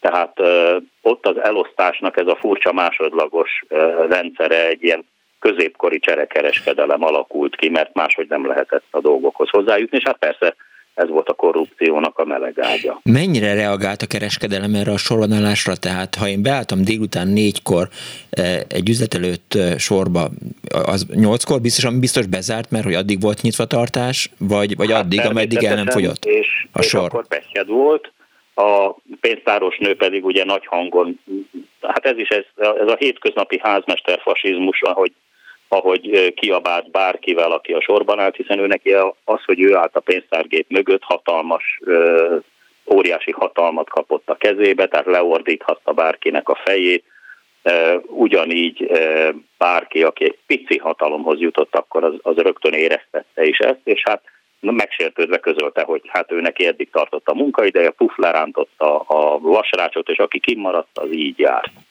Tehát ez, ez, ez is egy nagyon tanulságos ilyen, ilyen pszichológiai történet volt. Másfelől viszont az embereket meg arra is rá kényszerítette, hogy segítsenek egymáson, uh-huh. mert hiszen ha valakinek hatos anya kellett, és ne, ő csak ötöst meg hetest kapott, akkor lehet, hogy a szomszéd ebben őt kisegítette, úgyhogy ez egyszerre hergelte egymás ellen az embereket, másfelől pedig kinevelte azt, hogy ha nem segítek a másiknak, akkor bajban vagyok. Tehát a kollektív társadalom ilyen formán, inverz módon működött. Barátkoztak az emberek sorban állás közben?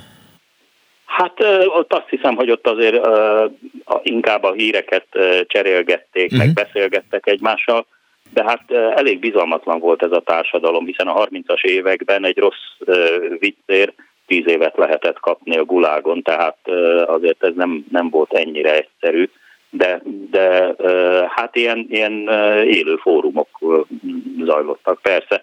Én nem nagyon szerettem sorba állni, sohasem, tudósítóként időm se volt rá, bár én igyekeztem azért a bevásárlásokat úgy intézni, hogy óriási előny volt, ha valakinek volt autója, nekem volt akkor egy szolgálati ladám, uh-huh. és ugye körbe tudtam menni a kerületbe több üzletet meglátogatni, hogy hát ha az egyik helyen kapok kenyeret, a másik helyen vajat, a harmadik helyen tojást, tehát erre azért elég sok idő e, elment, hogy egyszerűen az ember fenntartsa magát, e, és ez már a 85-91 közötti e, időszakra érvényes és mondom, a végére 90 táján még Moszkvába is az alapvető élelmiszerek egy részét jegyre lehetett csak megkapni. Értem. Köszönöm szépen, Mihály, itt voltál velünk. Én is köszönöm Viszont hallásra. Szervusz. Szervusztok. Hardi Mihály, a Klubrádió főszerkesztő helyettese volt az elmúlt néhány percben a vendégünk, és a sorbanállás ős hazájából jelentkezett a Szovjetunióból.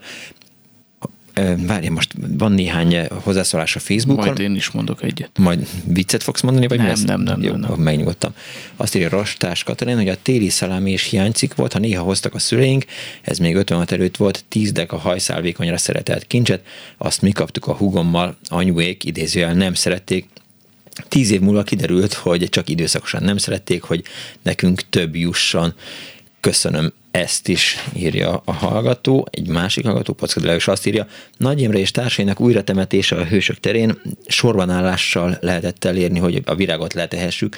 A végén a fejek fölött adták előre a virágot, és aki nem jutottak el a koporsóig, már akik nem jutottak el a koporsókig, amíg volt szovjet laktanya Gödöllön, addig volt szalámi és banán is sorbanállás nélkül a 80-as években, és a műjégpálya is hát egy klasszikus sorbanállós hely volt, írja a hallgató.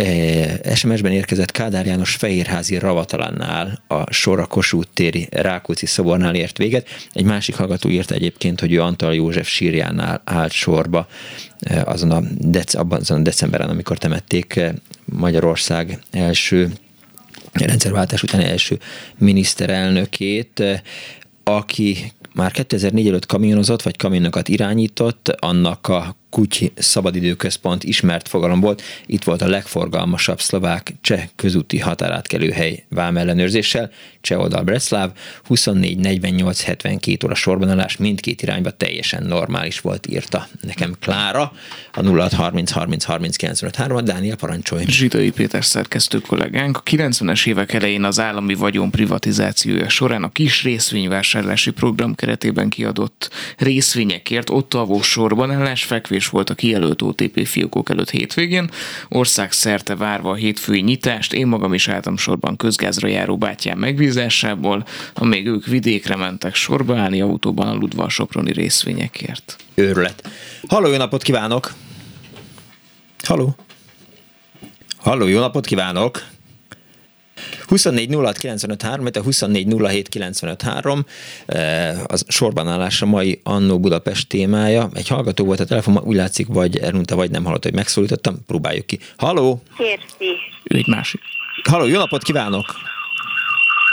Most akkor én vagyok? Most ön tetszik lenni, csak halkítsa le bármi, ami van a közelben. Halló? Halló? Jó napot kívánok! Lekapcsolná a rádióját? Le akartam kapcsolni. És nem, nem sikerült. A kutyafáját. Jó, most sikerült. Na, én azt szeretném mondani, hogy majdnem tíz évenként változnak a sorbaállások, és nagyon bold, nagy boldogság az, hogyha olyan ér áll sorba, hogy nem az, ami most van, mert az, a betegség közben jött, de előtte, hogyha egy sorba. Uh-huh. De én emlékszem, mert nagyon kislány voltam, amikor tíz éves koromban a Király utca és a Csányi utca sarkát egy lovat osztottak szét, uh-huh. és azért álltunk sorba. Illetve nem én az anyukám. Ez gondolom 1944 Igen, 44 telén, vagy 45? volt. 45. És aztán 56-ban, amikor azért álltam sorba, hogy, hogy a kenyeret kapjak, és akkor az orosz tankok jöttek, és felénk fordították, akkor egy kutyával álltam sorba uh-huh. kenyérért. mert meg teér. Szóval ezekre a dolgokra nem, nem baj, hogyha maga visszavezeti az embereket, hogy van, amikor érdemes ezt végighallgatni, hogy mikért álltunk sorba. Hallgatom. Ez, az a mostani uh-huh. sorbaállás az biztos, hogy nem jó, mert keservesz, de ezen is túl kell legyünk, hogy elmúlik a járvány, de meg minden, de hogy koncertjegyére állnak sorba majd újból, és el fogják felejteni ezt is.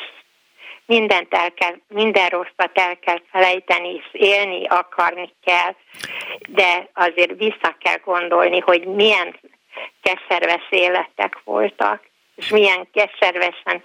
Az én 65 éves lányom el nem hiszi, hogy az 50, mert 50 ötbe született, uh-huh. és a, hogy már akkor milyen az iskolázás, az iskoláztatásért sorba kellett Tényleg? állni, hogy fölvegyék őt, például fogtechnikusnak, és mit kellett ö, ö, csinálni azért, hogy, hogy fölvegyék, mennyit kellett fizetni, meg egyáltalában, úgyhogy aki most tud tanulni, az örüljön neki. De Szóval nagyon, nagyon nehéz életek voltak, és, és az, a, a én korombeliek már nagyon kevesen vannak, mert hiába halt meg nagyon sok öreg, mm. kevesen vannak, akik tudnak még beszélni, meg gondolkodni, meg kapcsolatot tartani. Úgyhogy ez, ez, ez külön, én, én külön a, a jó Istennek köszönhetem, az biztos, mert lebombázás volt, meg oroszok bejövetel, de mindenért sorba kell állni, ahogy, hogy éljünk hogy megéljünk. És mondjuk De a 60-as években? Én azért fogtam hmm. rá erre a rádióra, mert magát hallgattam egyszer valami kádár, nem tudom milyen ügybe, Aha. ilyen nem tudom mi volt, Igen. és a, a, akkor kezdtem magukra figyelni, de jó, hogyha ha beszélnek erről, hogy nagyon rossz életek voltak, és nagyon meg kell becsülni a mostani életet, és ne bántsák egymást. A rádiók se egymást, meg a pártok sem. Értem. Nem, azért nem megyünk semmire, mert sok apró párt van, és egy, egymás, egymásnak a, hasznát nézik, hogy mi, milyen hasznot tudnak belőle kihozni. És azért nem tudnak egyáltalán zöldágra vergődni, ahogy szokták mondani. Igen. Köszönöm szépen, hogy hívott. Én is köszönöm. Kész csókom. Viszont hallásra. Azt írja Marcsi Tatabányáról, hogy rengeteg sorállásról tudnék mesélni, de van egy nagyon fontos, az alföldi féle e, nemzeti színház jegyekért is sorbálás volt, emlékezett rá Marcsi. Halló, napot kívánok! Halló! Halló! Jó napot! Ha nem szólal meg, akkor bajba vagyok, és akkor Danival fog beszélgetni, ami mindennek az alja. Halló, hallgató! Dániel, add vissza a hallgatót, vagy mi történt? Keserítsenek, nem szólal meg a hallgató. De miért? Be, itt látod fel. Látom, hogy, hogy föl van tolva, de a hallgató az most vagy szórakozik velünk, vagy inkább mondjuk inkább az, hogy veled, vagy, vagy velem, és nem akar megszólalni. Így nagyon nehéz lesz beszélgetni, kedves hallgató. Kénytelenek leszünk egy másikat hívni, mert viszont a hallgatók valóban sorbálnak. Tehát arra kérném, hogy aki, akit megszóltuk, hogy jó napot kívánok, ön tetszik lenni, akkor mindenféleképp mondja azt, hogy haló, hello Miklós. Haló?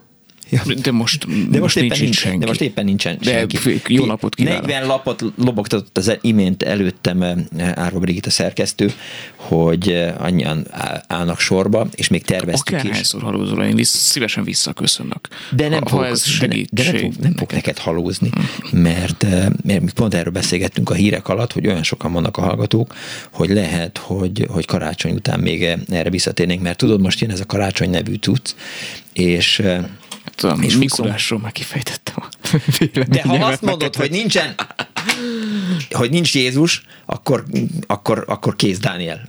Nem, nem megyünk, jó, jó, nem megyünk, most nem menjünk bele. Nem menjünk bele. Ér, ér, értem, hogy, hogy meg... A saját érdekemben igen, élve akarok hazajutni. Igen, igen, igen, itt lennének a hallgatók, aztán azt mondanák, hogy ki volt az, aki azt mondta, hogy, hogy nincs is karácsony. Szólíts meg a hallgatót, légy szíves. Halló, napot kívánok. Jó napot kívánok. Haló! Jó napot kívánok! Jó napot kívánok! Ön tetszik Sziasztok, lenni. Tamás vagyok. Hello, Tomi! Igen, valóban kicsit halka lehet titeket hallani, de na, azért mondom. Mond. Tehát nekem ö, három olyan sorbállásom van, amit megemlítenek. Az egyikről már volt szó, az a, a Budapest, régi Budapest sportcsanak előtt, valami jó koncertre álltunk sorba, és akkor ott, most csak lényeget, mert itt a porszívoztam. De várjál, tehát mi futva porszívózol? Futva, igen, futva. Jó, jó, jó, nem, nem csak, hogy, hogy, tehát nagyon sok dolgot lehet csinálni porszívózás közben, de lihegni nem tudom, hogy kell hozzá.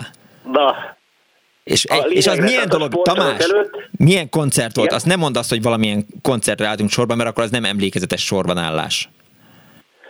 Hát szerintem, ha azért álltunk, akkor a, a, a Chuck Berry-nek volt a koncertje. Aha.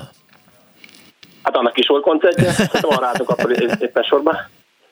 Na, ez volt az egyik élmény, a másik, amikor még készültünk külföldön a nővéremmel éltünk belőle, és akkor a, nagykövetségek előtt álltunk sorba. Az tényleg. Tehát csak ilyen nagyon szűk nyitottatások voltak, tehát ott tényleg volt, aki éjszakázott, meg vidék jött föl, mint hogy mi is. Már nem annyira vidékon, csak mondjuk egy Budapest mozgás közöttében. Uh-huh. Azért nem kellett ott aludni, korán fölmentünk, de volt egy is éjszakázott hálózsákba. Igen, vízumért tényleg rengeteget kellett sorbálni, most, hogy így Igen, mondod. És akkor volt írva, hogy akkor hány ország mennék, és akkor minden izé be volt írva, hogy melyik uh, nagykövet mikor van nyitva. Uh-huh. A legtöbb az jó ott, ott, ott a Városliget környékén, tehát Igen. nem nagyon csalingázni.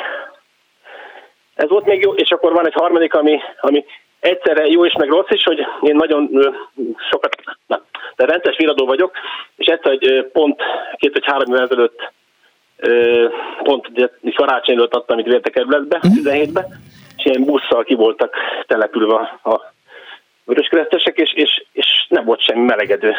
És akkor kínáltunk 24-én sorba a busz előtt, és hát nem volt nagyon meleg. De nem volt olyan megszervezve az egész, de azért az embert fűtötte a, a tenni akarás, meg az adni akarás, és akkor az nem, nem fáztuk annyira. Na, ez a három volt. Köszi szépen! Köszi szépen, viszont hallásra! Sziasztok! Szia Tomi! 24 06 illetve 24 majdnem odaértem a gombokhoz, mert hogy Dániel nem volt itt, és át tudtam volna venni, saját magammal beszélgethettem volna. Halló. Egészségügyi szünet. Halló. Jó napot kívánok. Halló.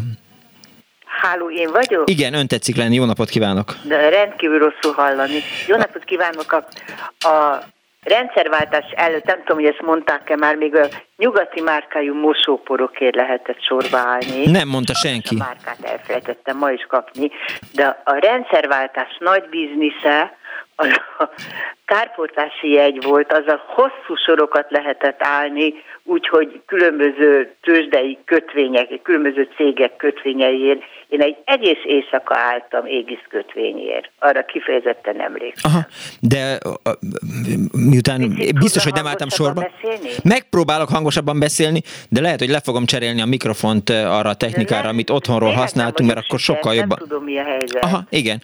Igen, fura. Szóval, hogy azt honnan tudta, hogy mikor és hol kell sorbálni, miért? Erre nem emlékszem, hogy hát ez, az. ez biztos meg volt hirdetve. Aha. Elég rég volt, tudja, 30 éve. Igen de nagyon izgalmas volt. Volt, aki adtak sorszámot, volt, aki elment, mert nem bírta, és akkor lemaradt a sorszámról, és nem tudom, azt hiszem cseresznyét akart venni, vagy valamit, és mondták neki, hogy drága cseresznye volt. Aztán ezt az égisz kötvényt megszerezte az ember, és azt voltak emberek, voltak emberek, akik a, a, a kárpótlási jegyet vásárolták fel, uh-huh. és voltak, akik aztán a, a azért vásárolt kötvényeket vásároltak fel, úgyhogy el tudtam adni az égisz kötvényt, és nem tudom, abból ment a kislányom Németországba. Úgyhogy De hol lehetett az, az égisz kötvényt venni? Hol kellett sorbálni égisz kötvényért? Valahol a Váci úton, valami cégnél. Aha. Értem. Hát nagyjából csak ennyit tudok Jó, mondani. köszönöm szépen. Kész sokan, viszont hallásra. Viszont hallásra. Figyelj, Dániel, hogy akkor, amikor otthonról készült az Annó Budapest, akkor nem voltak ezek, a, ezek az ellenmondásos helyzetek. Hogy, Mert azt én magam állítottam. Hogy, hogy a hallgató hol nem hall, hol rosszul hall. Tehát ez miért van, ne haragudj? Köszönöm szépen ki, a választ. Ki, Kielégítő választ nem, nem, tehát hogy, hogy nyilván a, nagyon túlzó lenne ezt a saját zsenialitásomnak betudni, úgyhogy tényleg elmondom, az igaz, a fogalmam nincs. Aha. Hát jó, megpróbálok hangosabban beszélni. Jó napot kívánok! Nem, szerintem nem minden hallgató hall rosszul. Igen? Én mindjárt, azt gondolom. Mindjárt kiderül. Haló? Halló, Jól hall? Kívánok. Jó napot kívánok! Én nagyon jól hallom. Oké, okay. látod. Üdvözletem, András vagyok. Üdv, András. Én egy moszkvai történetet szeretnék elmesélni. 5-6 éves forma lehettem. Jó apám volt már kint egy ilyen kiküldetésen. Lényeg, hogy jöttünk fel a metro aluljáróból, és kiszúrtunk egy ilyet, hát észrevettünk egy ilyen rettentő hosszú kígyózó sor, hmm. és ugyanaz volt, mint amit a Hardi úr is mesélt, hogy gyakorlatilag apám már, apámnak már volt rutinja, és tudta, hogy minden sorba be kell állni, teljesen mindegy, hogy mit adnak. Egy idő után aztán kiderült, hogy illetve észrevettünk egy hungarokamiont, amiről osztogatnak valamit, uh-huh. És hát jó pár óra sorbanállás után kiderült az is, hogy ezek egész csirkék, ilyen fagyasztott csirkék, és Hát a, a közfelháborodás akkor kezdődött. Apám volt ott a, a kinti ilyen kis delegációnak a, a kaja anyagbeszerzője, és amikor közölte ott az eladóval, hogy hat darab ilyen csirkét szeretne elvinni, akkor elkezdett kicsit morajlani a tömeg ott a hátunk mögött, tehát nem nézték jó szemmel, hogy itt teljesen ki akarjuk fosztani a kamiont, a kamiont de aha. aztán de aztán nagy nehezen megnyugodott a mindenki, de az eladónak nem is tudom, 6-7-szer kellett így mutogatva elmondani, hogy hány, hány darabról is van szó, hogy hányat szeretnék megvenni. Rémlik, hogy a, a, alapvetően az ottani viszonyokhoz képest még ez drága is volt. Aha. Tehát, hogy igen. És akkor az volt, hogy, hogy a kamion mellé kiküldtek egy boltost, akinek volt a, a hát pénztárgép nyilván nem volt nála, és úgy volt vele, hogy egy csirke az egy rubel, nyilván nem így volt, csak feltételezem, és szor nyomta a pénzt a zsebébe bele, tehát hogy, hogy mindenféle számlázás meg minden nélkül, ahogy tudta. Vagy a kamionos e... volt a pénztáros? Meg annyi kérdés. Ennyi, ennyire már nem. Azt, hát. Arra emlékszem, hogy volt egy kis mérleg. Tehát azt, azt szigorúan mérték, hogy ugye nem voltak egyformák a csirkék, tehát hogy, hogy kilóra volt uh-huh. megadva a, az ára, és, és szigorúan méregették, minden egyes csirkét lemértek, hogy mennyire hány kiló, és azt szerint kellett fizetni. Tehát nem eszetlenkedés volt? Nem, nem, nem, nem. És, és hihetetlen volt, de tényleg gyerekként vagy gyerekfejjel óriási volt a sor, de ott azt a fegyelmezettséget, ami, ami ott akkor volt, ez örökre beleégett az én agyamba, tehát hogy, hogy halkan beszélgettek egymás között az emberek, senki nem senki nem, amikor a végére beálltunk, senki nem kérdezgetett, hogy, hogy miért állunk sorba, mit akarunk, mennyit akarunk, nem voltak ilyen, ilyen mhm. jellegű ö, beszélgetések, mindenki szépen tényleg türelmesen. Jó, hát mondjuk ezt megtapasztaltam futballmérkőzésen is, tehát hogy, hogy nem volt önfelett szurkolás, tehát hogy, hogy, hogy valószínűleg az oroszok ez ugye így szocializálódtak, hogy, hogy csendben, nyugodtan kell végigállni Figyelj, bármit is. Hogy, ha gyerekként azt gondoltad, hogy hosszú sor, csak hogy, hm? hogy így el tudjuk képzelni, hogy milyen hosszú az. 10 méter, 20 méter, 50 méter.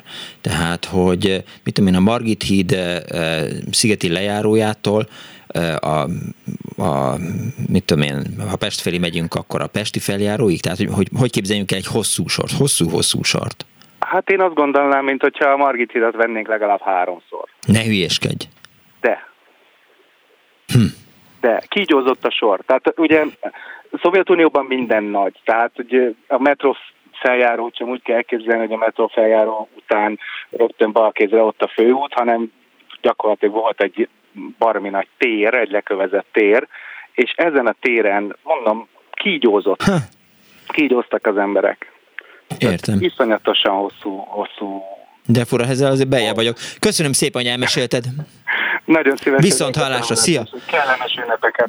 Boldog karácsonyt és Boldog karácsonyt. legjobbakat. Azt írja az egyik hallgató, hogy kb. 81-ben fürdőszoba felújítás alkalmából bés színű fürdőkádat kellett vennem. A Corvin áruházban adott időre ígértek egy tíz darabot, amiért szabályos közelharc volt. Én a tömegben a lábak között másztam az eladók közelébe, és az adandó alkalommal hangosan kiabáltam be a nevemet és a címemet, miközben a többiek az öklüket rázták, és veszélyben forgott a testi épségem. Végül sikerült egyet megkap kaparintani, a mai napig is eh, ez a kárt szolgál. Hát egy, ülök egy rózsaszínű, bés színű kádban, a legszebb ünnepi ruhámban. Egy másik hallgató azt írja, a Népszínház utcát hívták régen Konti utcának, nem kedves hallgató, biztos, hogy tévedsz, Tolnai Lajos utca volt a Konti utca, Konti utca, Víg utca, mind a kettő szép utca volt, és egy ilyen dal, és a Tolnai Lajos utcai rendőrkapitányságon én magam is voltam kénytelen eltölteni néhány fölösleges időt. Anyukámtól tudom, nézzétek már utána, kábítószer volt. Ni, e... Milyen kábítószert vásárol? De hát valamiért belekeveredtem. Tehát ne hozzon már zavarba. Ne, ne, ne hozzám már zavarba. Hátizsákomban mentem, és akkor engem is bebittak a, a tolnaiba. Csak porcúr. Igen? De, de, mondtam, hogy nem, nem az enyém a hátizsák. Üdvözlet, Éttem, én a 70-es években Legójelt álltam sorba a fiam számára, írta Éva, és tegnap piacon háromszor álltam sorba. Hát igen, most is van. És elszaladtam tegnap a, a nyugati téri posta, mellett ott is iszonyatos sorbanállás van. Tehát majdnem a nyugatig áll a sor vége, mert hogy, hogy nem lehet bemenni. Mindegy. Én nem a piacon álltam sorba, képzeld el, halért. De minek? Le, legutóbb. Aha, nem mered kimondani azt, hogy nincs karácsony. Mert, mert szeretem a halat. Értem. De ez évszaktól függetlenül Értem. kedvelem a halat. De akkor miért nem akkor állsz, amikor nem kell sorbálni a halért? Én pont tegnap képzeld el, itt Viskinúri hírszerkesztő kollégának mondtam, hogy, hogy tehát nem értem azt, hogy miért a karácsonyhoz társítjuk például a halászlevet, amikor az nyáron a legjobb kaja. Tehát, hogy én, én, én, vannak dolgok, amiket ebben a világban nem értek. Évszaktól függetlenül halat tessék enni, mert az jó. Igen, nagyon egészséges, de azt nyilván hallottad azt a műsort, hogy cápa, uszonyt meg egyáltalán ne együnk. Az, Semmiképpen. Az nem, ked, nem, nem, volt, vagy nem pénteken volt a rádióban. Halló, jó napot kívánok! Halló, jó napot kívánok! Kész csók. Mari vagyok Budapestről. Üdvözlöm! Halló? Hallgatom, Mari, jó napot kívánok! Igen, na, én szeretnék beszámolni egy sorbanállásról, egy sorbanülésről és na. egy sorban nem állásról gyorsan. Oké. Okay. A, sorban állás az azért történt, mert 1984-ben lakást építettünk, és sehonnan nem lehetett téglát szerezni, és akkor valakitől kaptuk azt az écát, hogy nem tudom hol, valahol Pescidek úton, vagy valahol egy tüzépen, van egy Rózsi néni nevű eladó, uh-huh. akihennek kell vinni hat üveg sört, és akkor lesz tégla. és tényleg így is történt, a papámmal elmentünk abba a tüzébe, ott láttunk egy öreg asszonyt, aki ott tényleg kiszolgáló volt, oda mentünk és mondtuk, hogy Rózsi néni, hoztunk hideg sört, és adattuk neki a hat üveg sört, és tényleg kaptunk téglát. Úgyhogy ez volt az, e, a, a, az egyik eset. A másik még ugyanennél az építkezésnél sehol nem lehetett kapni tetőcserepet. Nekünk kellett volna hódfarkú cserép, és nem volt sehol, semmelyik tüzépnél, és egyik reggel fél hétkor csöngetnek a lakásunkba, ott áll egy ember a kapu előtt, és azt kérdezi, hogy nem kell-e 80 ezer darab hótfarkú cserép. Hát hogy azt hittem, hogy elájulok, hogy uh-huh. sehol nem lehet kapni, és itt háthoz szállítják. Kiderült, hogy az építészünk az ismerte azt, aki árulta a cserepeket, és így itt nem kellett sorban állnunk. De jó. Úgyhogy ez egy nagyon nagy meglepetés volt ez a 80 ezer hódfarkú cserép. A sorban ülés az pedig 1984-ben húsvétkor volt, nekünk vannak rokonaink Temesváron, a fiam akkor volt 7 hónapos, és úgy döntöttünk, hogy a húsvéti szünetekre elmegyünk Temesvárra, vittünk nekik ennivalót persze, mert hát annyira nem lehetett Temesvárról semmit kapni, de a határon olyan sor állt, hogy 11 órát ültünk sorban az autóban, uh-huh. mert akkor jöttek haza a romániai vendégmunkások, akik Németországban Igen. dolgoztak, azok is akkor mentek haza uh-huh. húsvéti ünnepekre, Úgyhogy még a 11 óra után se jutottunk volna át a határon, ha nem kezdenek el összeverekedni magyar meg román autósok ott a sorokban, és így aztán akkor a magyar határőrök megbeszélték a román határőrökkel, hogy a magyar autók átmehetnek a másik irányból jövő üres sávokra, uh-huh. és mhm. ott aztán nagy nehezen átengedtek minket. Mi nagyon nagy bajba voltunk, mert ugye a hét hónapos gyerekemnek már nem volt elég ennivaló, hogy mit adjunk neki. Mi meg megettük az összes sajtot a férjemmel, amit, vendég, amit vittünk volna a temesvári rokonoknak, úgyhogy reggel indultunk el ugyan Budapestről, de éjjel kettőkor érkeztünk Temesvárra. Ez igen. Nem maradt abból a hótfarkú cseréből véletlenül? Hát talán van még négy-öt a pincében. Kellene? De, vicceltem. Csak, hogy, hogy van egy zseniális könyv, Kennedy János e, írta, szamizatban jelent meg még a 70-es, 80-as években a Tiéd az ország magadnak építed, ami erről az Igen. egész hihetetlen cirkuszról e, szólt, és mutatta be azt, hogy, hogy hogyan működött az építőipar, meg a, meg a házi. Hát ez valóban így működött. Elképesztő, igen, igen. Nem is hittem el akkor, amikor olvastam. Köszönöm szépen, hogy hívott. Nincs mit viszont, Kész sok viszont hallásra. és kellemes ünnepeket. Köszönjük szépen. Dániel, építkezel? Van négy-öt darab hútfarkú cserép a kedves hallgatónál? Nem. nem. Te... Ha nem, hát nem. Pedig hútfarkú cserépben halászlevet tálalni, jönnének hozzád a vendégek, és azt mondanák, a mindenség. Milyen az a cserép? Mit? Milyen az a cserép? Hútfarkú cserépet láttál már hódot? Milyen? Hód. Hód Láttál már cserép? hódot? Igen. Hódot? Láttam már hódot. Na, akkor képzeld el azt, hogy olyan a, a cserép, mint a e, hódnak a farka. Nem emlékszem, milyen a hódnak a farka. Hát ilyen lapátos, tudod. Vannak fekete lyukak az én műveltségemben.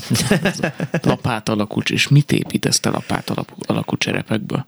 Hát e, befedem a házamat. Értem. Jót beszélgettünk. Köszönöm szépen. Halló, jó napot kívánok. Elkomolytalankodott Dániel a műsort. Halló.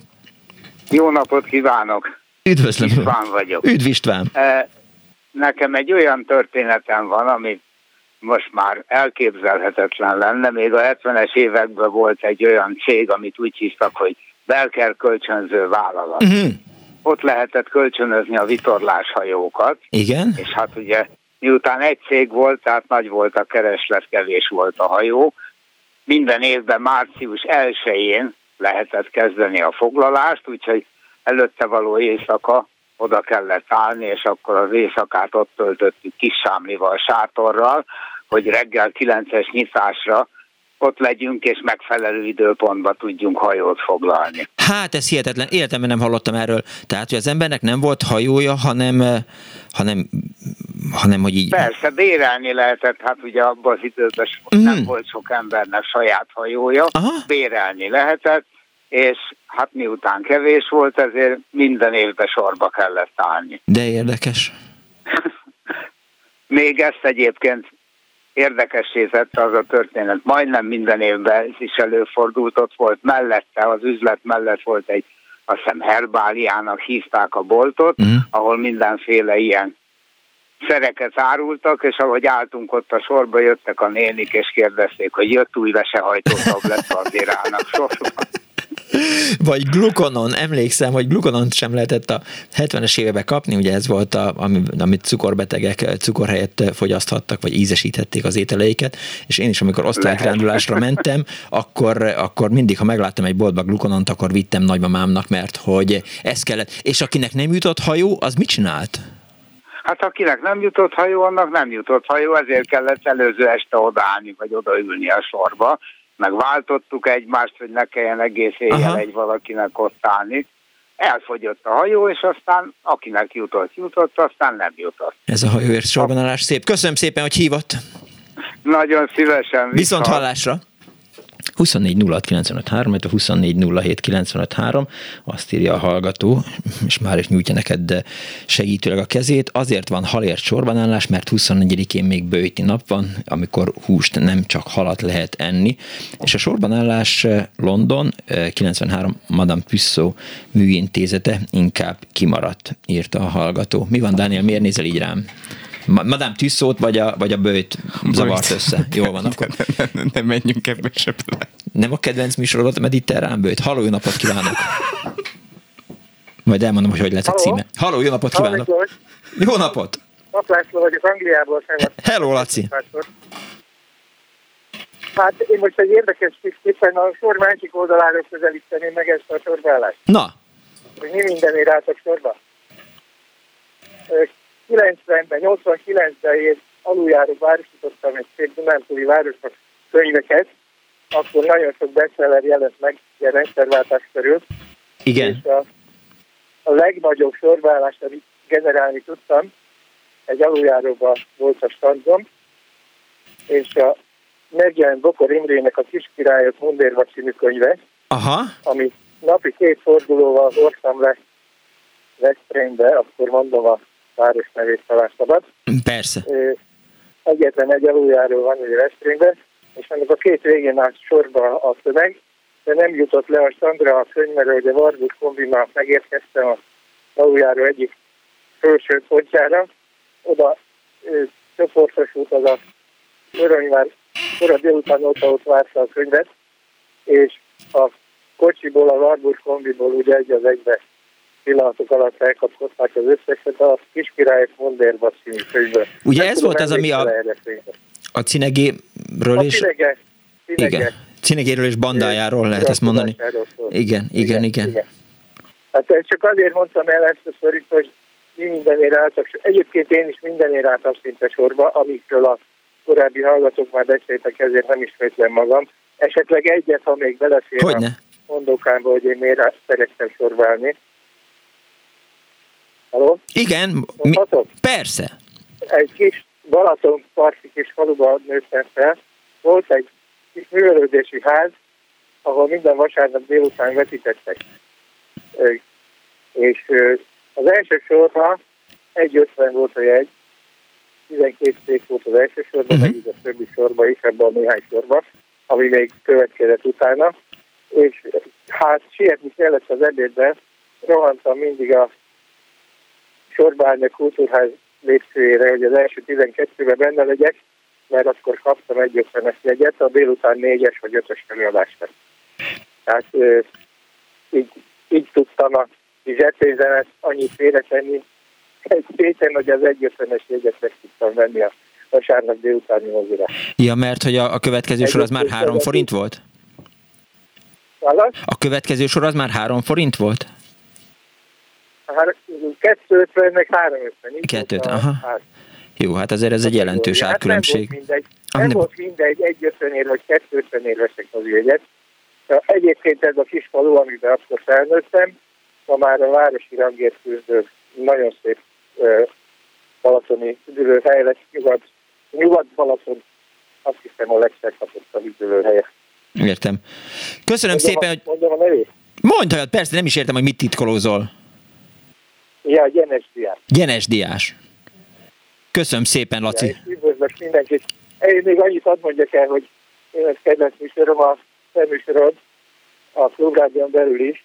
Ugye nem ezzel kezdtem szeretni a klubrádiót, de eljutottam oda, hogy most már a többi műsor egy kicsit nem volt annyira, talán most ezt nem részletezem, hogy miért, ja. de elment az irányba nagyon sok műsor, a műsorok tartja színvonalat. Megtisztelő, köszönjük szépen. Viszontalásra, szia! Azt, ír, azt írja a hallgató, hogy voltak bérsorban állók is a gazdagabbaknak, ezt Laja írta a 0 30 30 30 95 3-ra.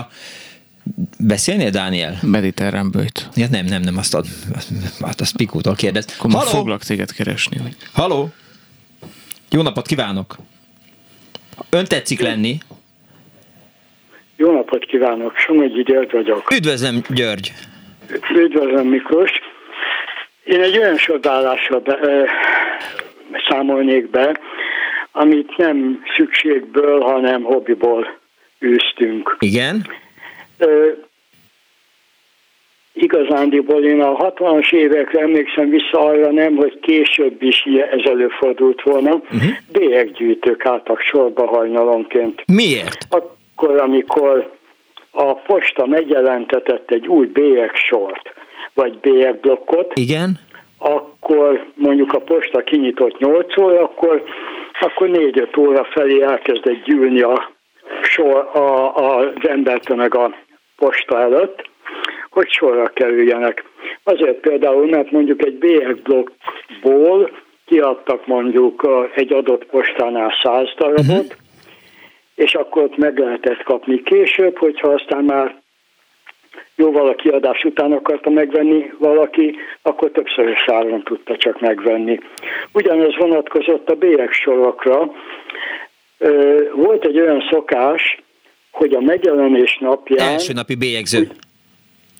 Úgynevezett első napi borítékon. Igen. Erre emlékszem, igen. borítékon lehetett megvenni, uh-huh. tehát ez egy valamilyen ábrával dísztel, igen. az adott sorra vonatkozó ábrával megjelent boríték volt, erre volt ráragasztva a sor, igen. első napi bélyegzővel. Ezért gyönyörű több órás sor állt, uh-huh. hajnalonként a postánál.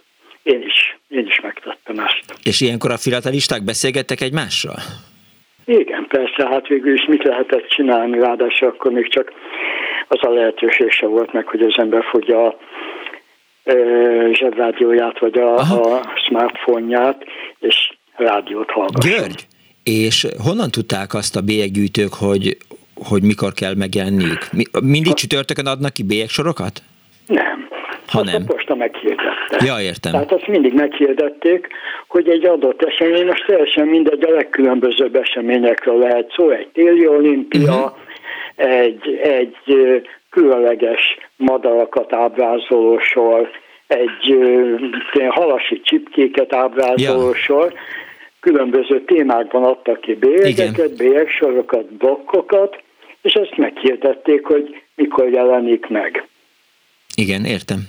És akkor oda mentek, a, értem, jó. Ennyi volt, összegyűlt a tömeg, és nagyon lelkesek voltunk miatt.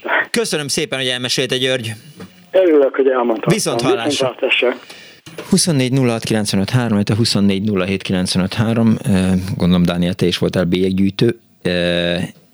Nem meséltem még? Nem még, de, nem, de, de, de, de, azért. de, mesélted. De egyetlen egy sztorim, Sziasztok, amit, azt írja érdekes. Hajdu András, annyira vártam már, hogy valaki mondja el a, a Bánfi hajszeszt, mert az egy ilyen lidérces volt. Tehát ugye Pálinkás Huan megint nagyot alakította a videójával, amiben hát Dévényi Tibi bátyád Peti nevű tévénézőnek 5 kiló banánt szerez, tehát mindenki áll sorba a közértben, és Peti szeretett volna banánt. Milyen kapcsolati hálóid álltak Dévényi Tibi bácsának? Hát Dévényi Tibor a legnagyobb király volt, jó egészséget kívánunk neki. Na de, hogy, hogy Pálinkás Huan filmjében ez látható, ami az Annó Budapesten elérhető, mint ajánló. Sziasztok, ha még nem volt, a Bánfi hajszeszért és a e, postabankos csődnél is voltak legendás sorbanállások. Hadszoljon írt a Hajdu András. Igen, tehát a Bánfi hajszeszben e, nagyon reménykedtem, hogy, hogy lesznek hallgatók, a postabank meg, meg valóban egy ilyen klasszikus volt. Újságmagazin, heti lap, igen, újságosnál is álltak sorra, például amikor megjelent a Reform, a Király utcában, akkor még Majakovszki utca volt a szerkesztőség, ott is izé, utca hosszan álltak az emberek sorba péntek délutánonként, azt hiszem, hogy akkor jelent meg a, az orgánum. Halló, jó napot kívánok! Jó napot kívánok, Úrvögyi Tamás vagyok. Üdvözlöm, Tamás! Egy viccel kezdeném. Nagy sor áll Moszkvában, és valaki beáll a sor végére, és kérdezi az előtte levőt, hogy miért áll sorba. Azt mondja, fogalmam sincsen, tovább terjed a kérdezősködés, még az első emberhez eljutnak. Tőle is megkérdezik. Azt mondja, hát én nem állok sorba, én csak rosszul lettem, neki támaszkodtam a falnak, de mire jobban lettem, hátra nézek, hát egy kígyózó során ja, igen. Azt mondja, mi nem megy el innen most, amikor első vagyok?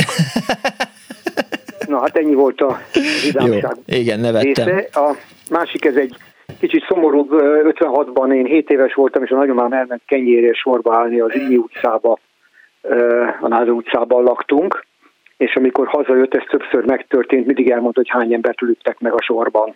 Hm. Úgyhogy elég bátor nagymamám volt emiatt, és nagyon-nagyon fölnéztem rá. És még egy sorbanállásról, 1977-ben Londonban az Leicester Square-en egy Odeon nevű moziban mutatták be a The Spy Who Loved Me című James Bond filmet, és uh-huh. ott két és fél órát álltam sorba, hogy jegyhez jussak. Ami hát azért nem ez volt az elképzelésünk 77-ben Angliáról, de hát ezért érdemes volt. De érdekes. És honnan tudta azt, hogy akkor Londonban kell lenni? Azt nem tudtam, csak ez egy véletlen, ja, véletlen volt, és egy nagyon prominens embernek is én vettem jegyet, a Aha. Marton Lacinak, a Vix Színház rendezőjének, Értem. aki szintén akkor éppen ott járt, és megtudta, hogy én úgyis megyek sorba uh-huh. állni, úgyhogy neki is vettem két jegyet. Köszönöm szépen, hogy elmesélted ezt. Jó. Viszont hallásra, szervusz. Kedves hallgatók, a mai műsor szerkesztője Árva Brigitta volt. Létrehozásában segítségemre volt Ricsovics Kinga a telefonnál, Kemény Dániel a gomboknál, eh, Pálinkás Huan a videópultnál, Kardos Józsi az archívumnál, én Punksneded Miklós voltam. Eh, boldog karácsonyt kívánunk eh, mindenkinek. Ha nem vigyáznak, akkor találkozunk. Négy óra van V-hallás.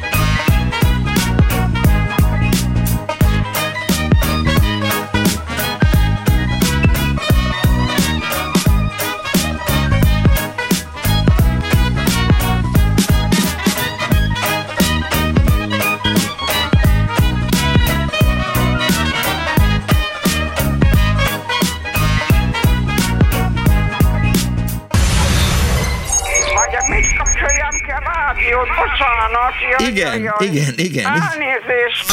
Jó napot kívánok.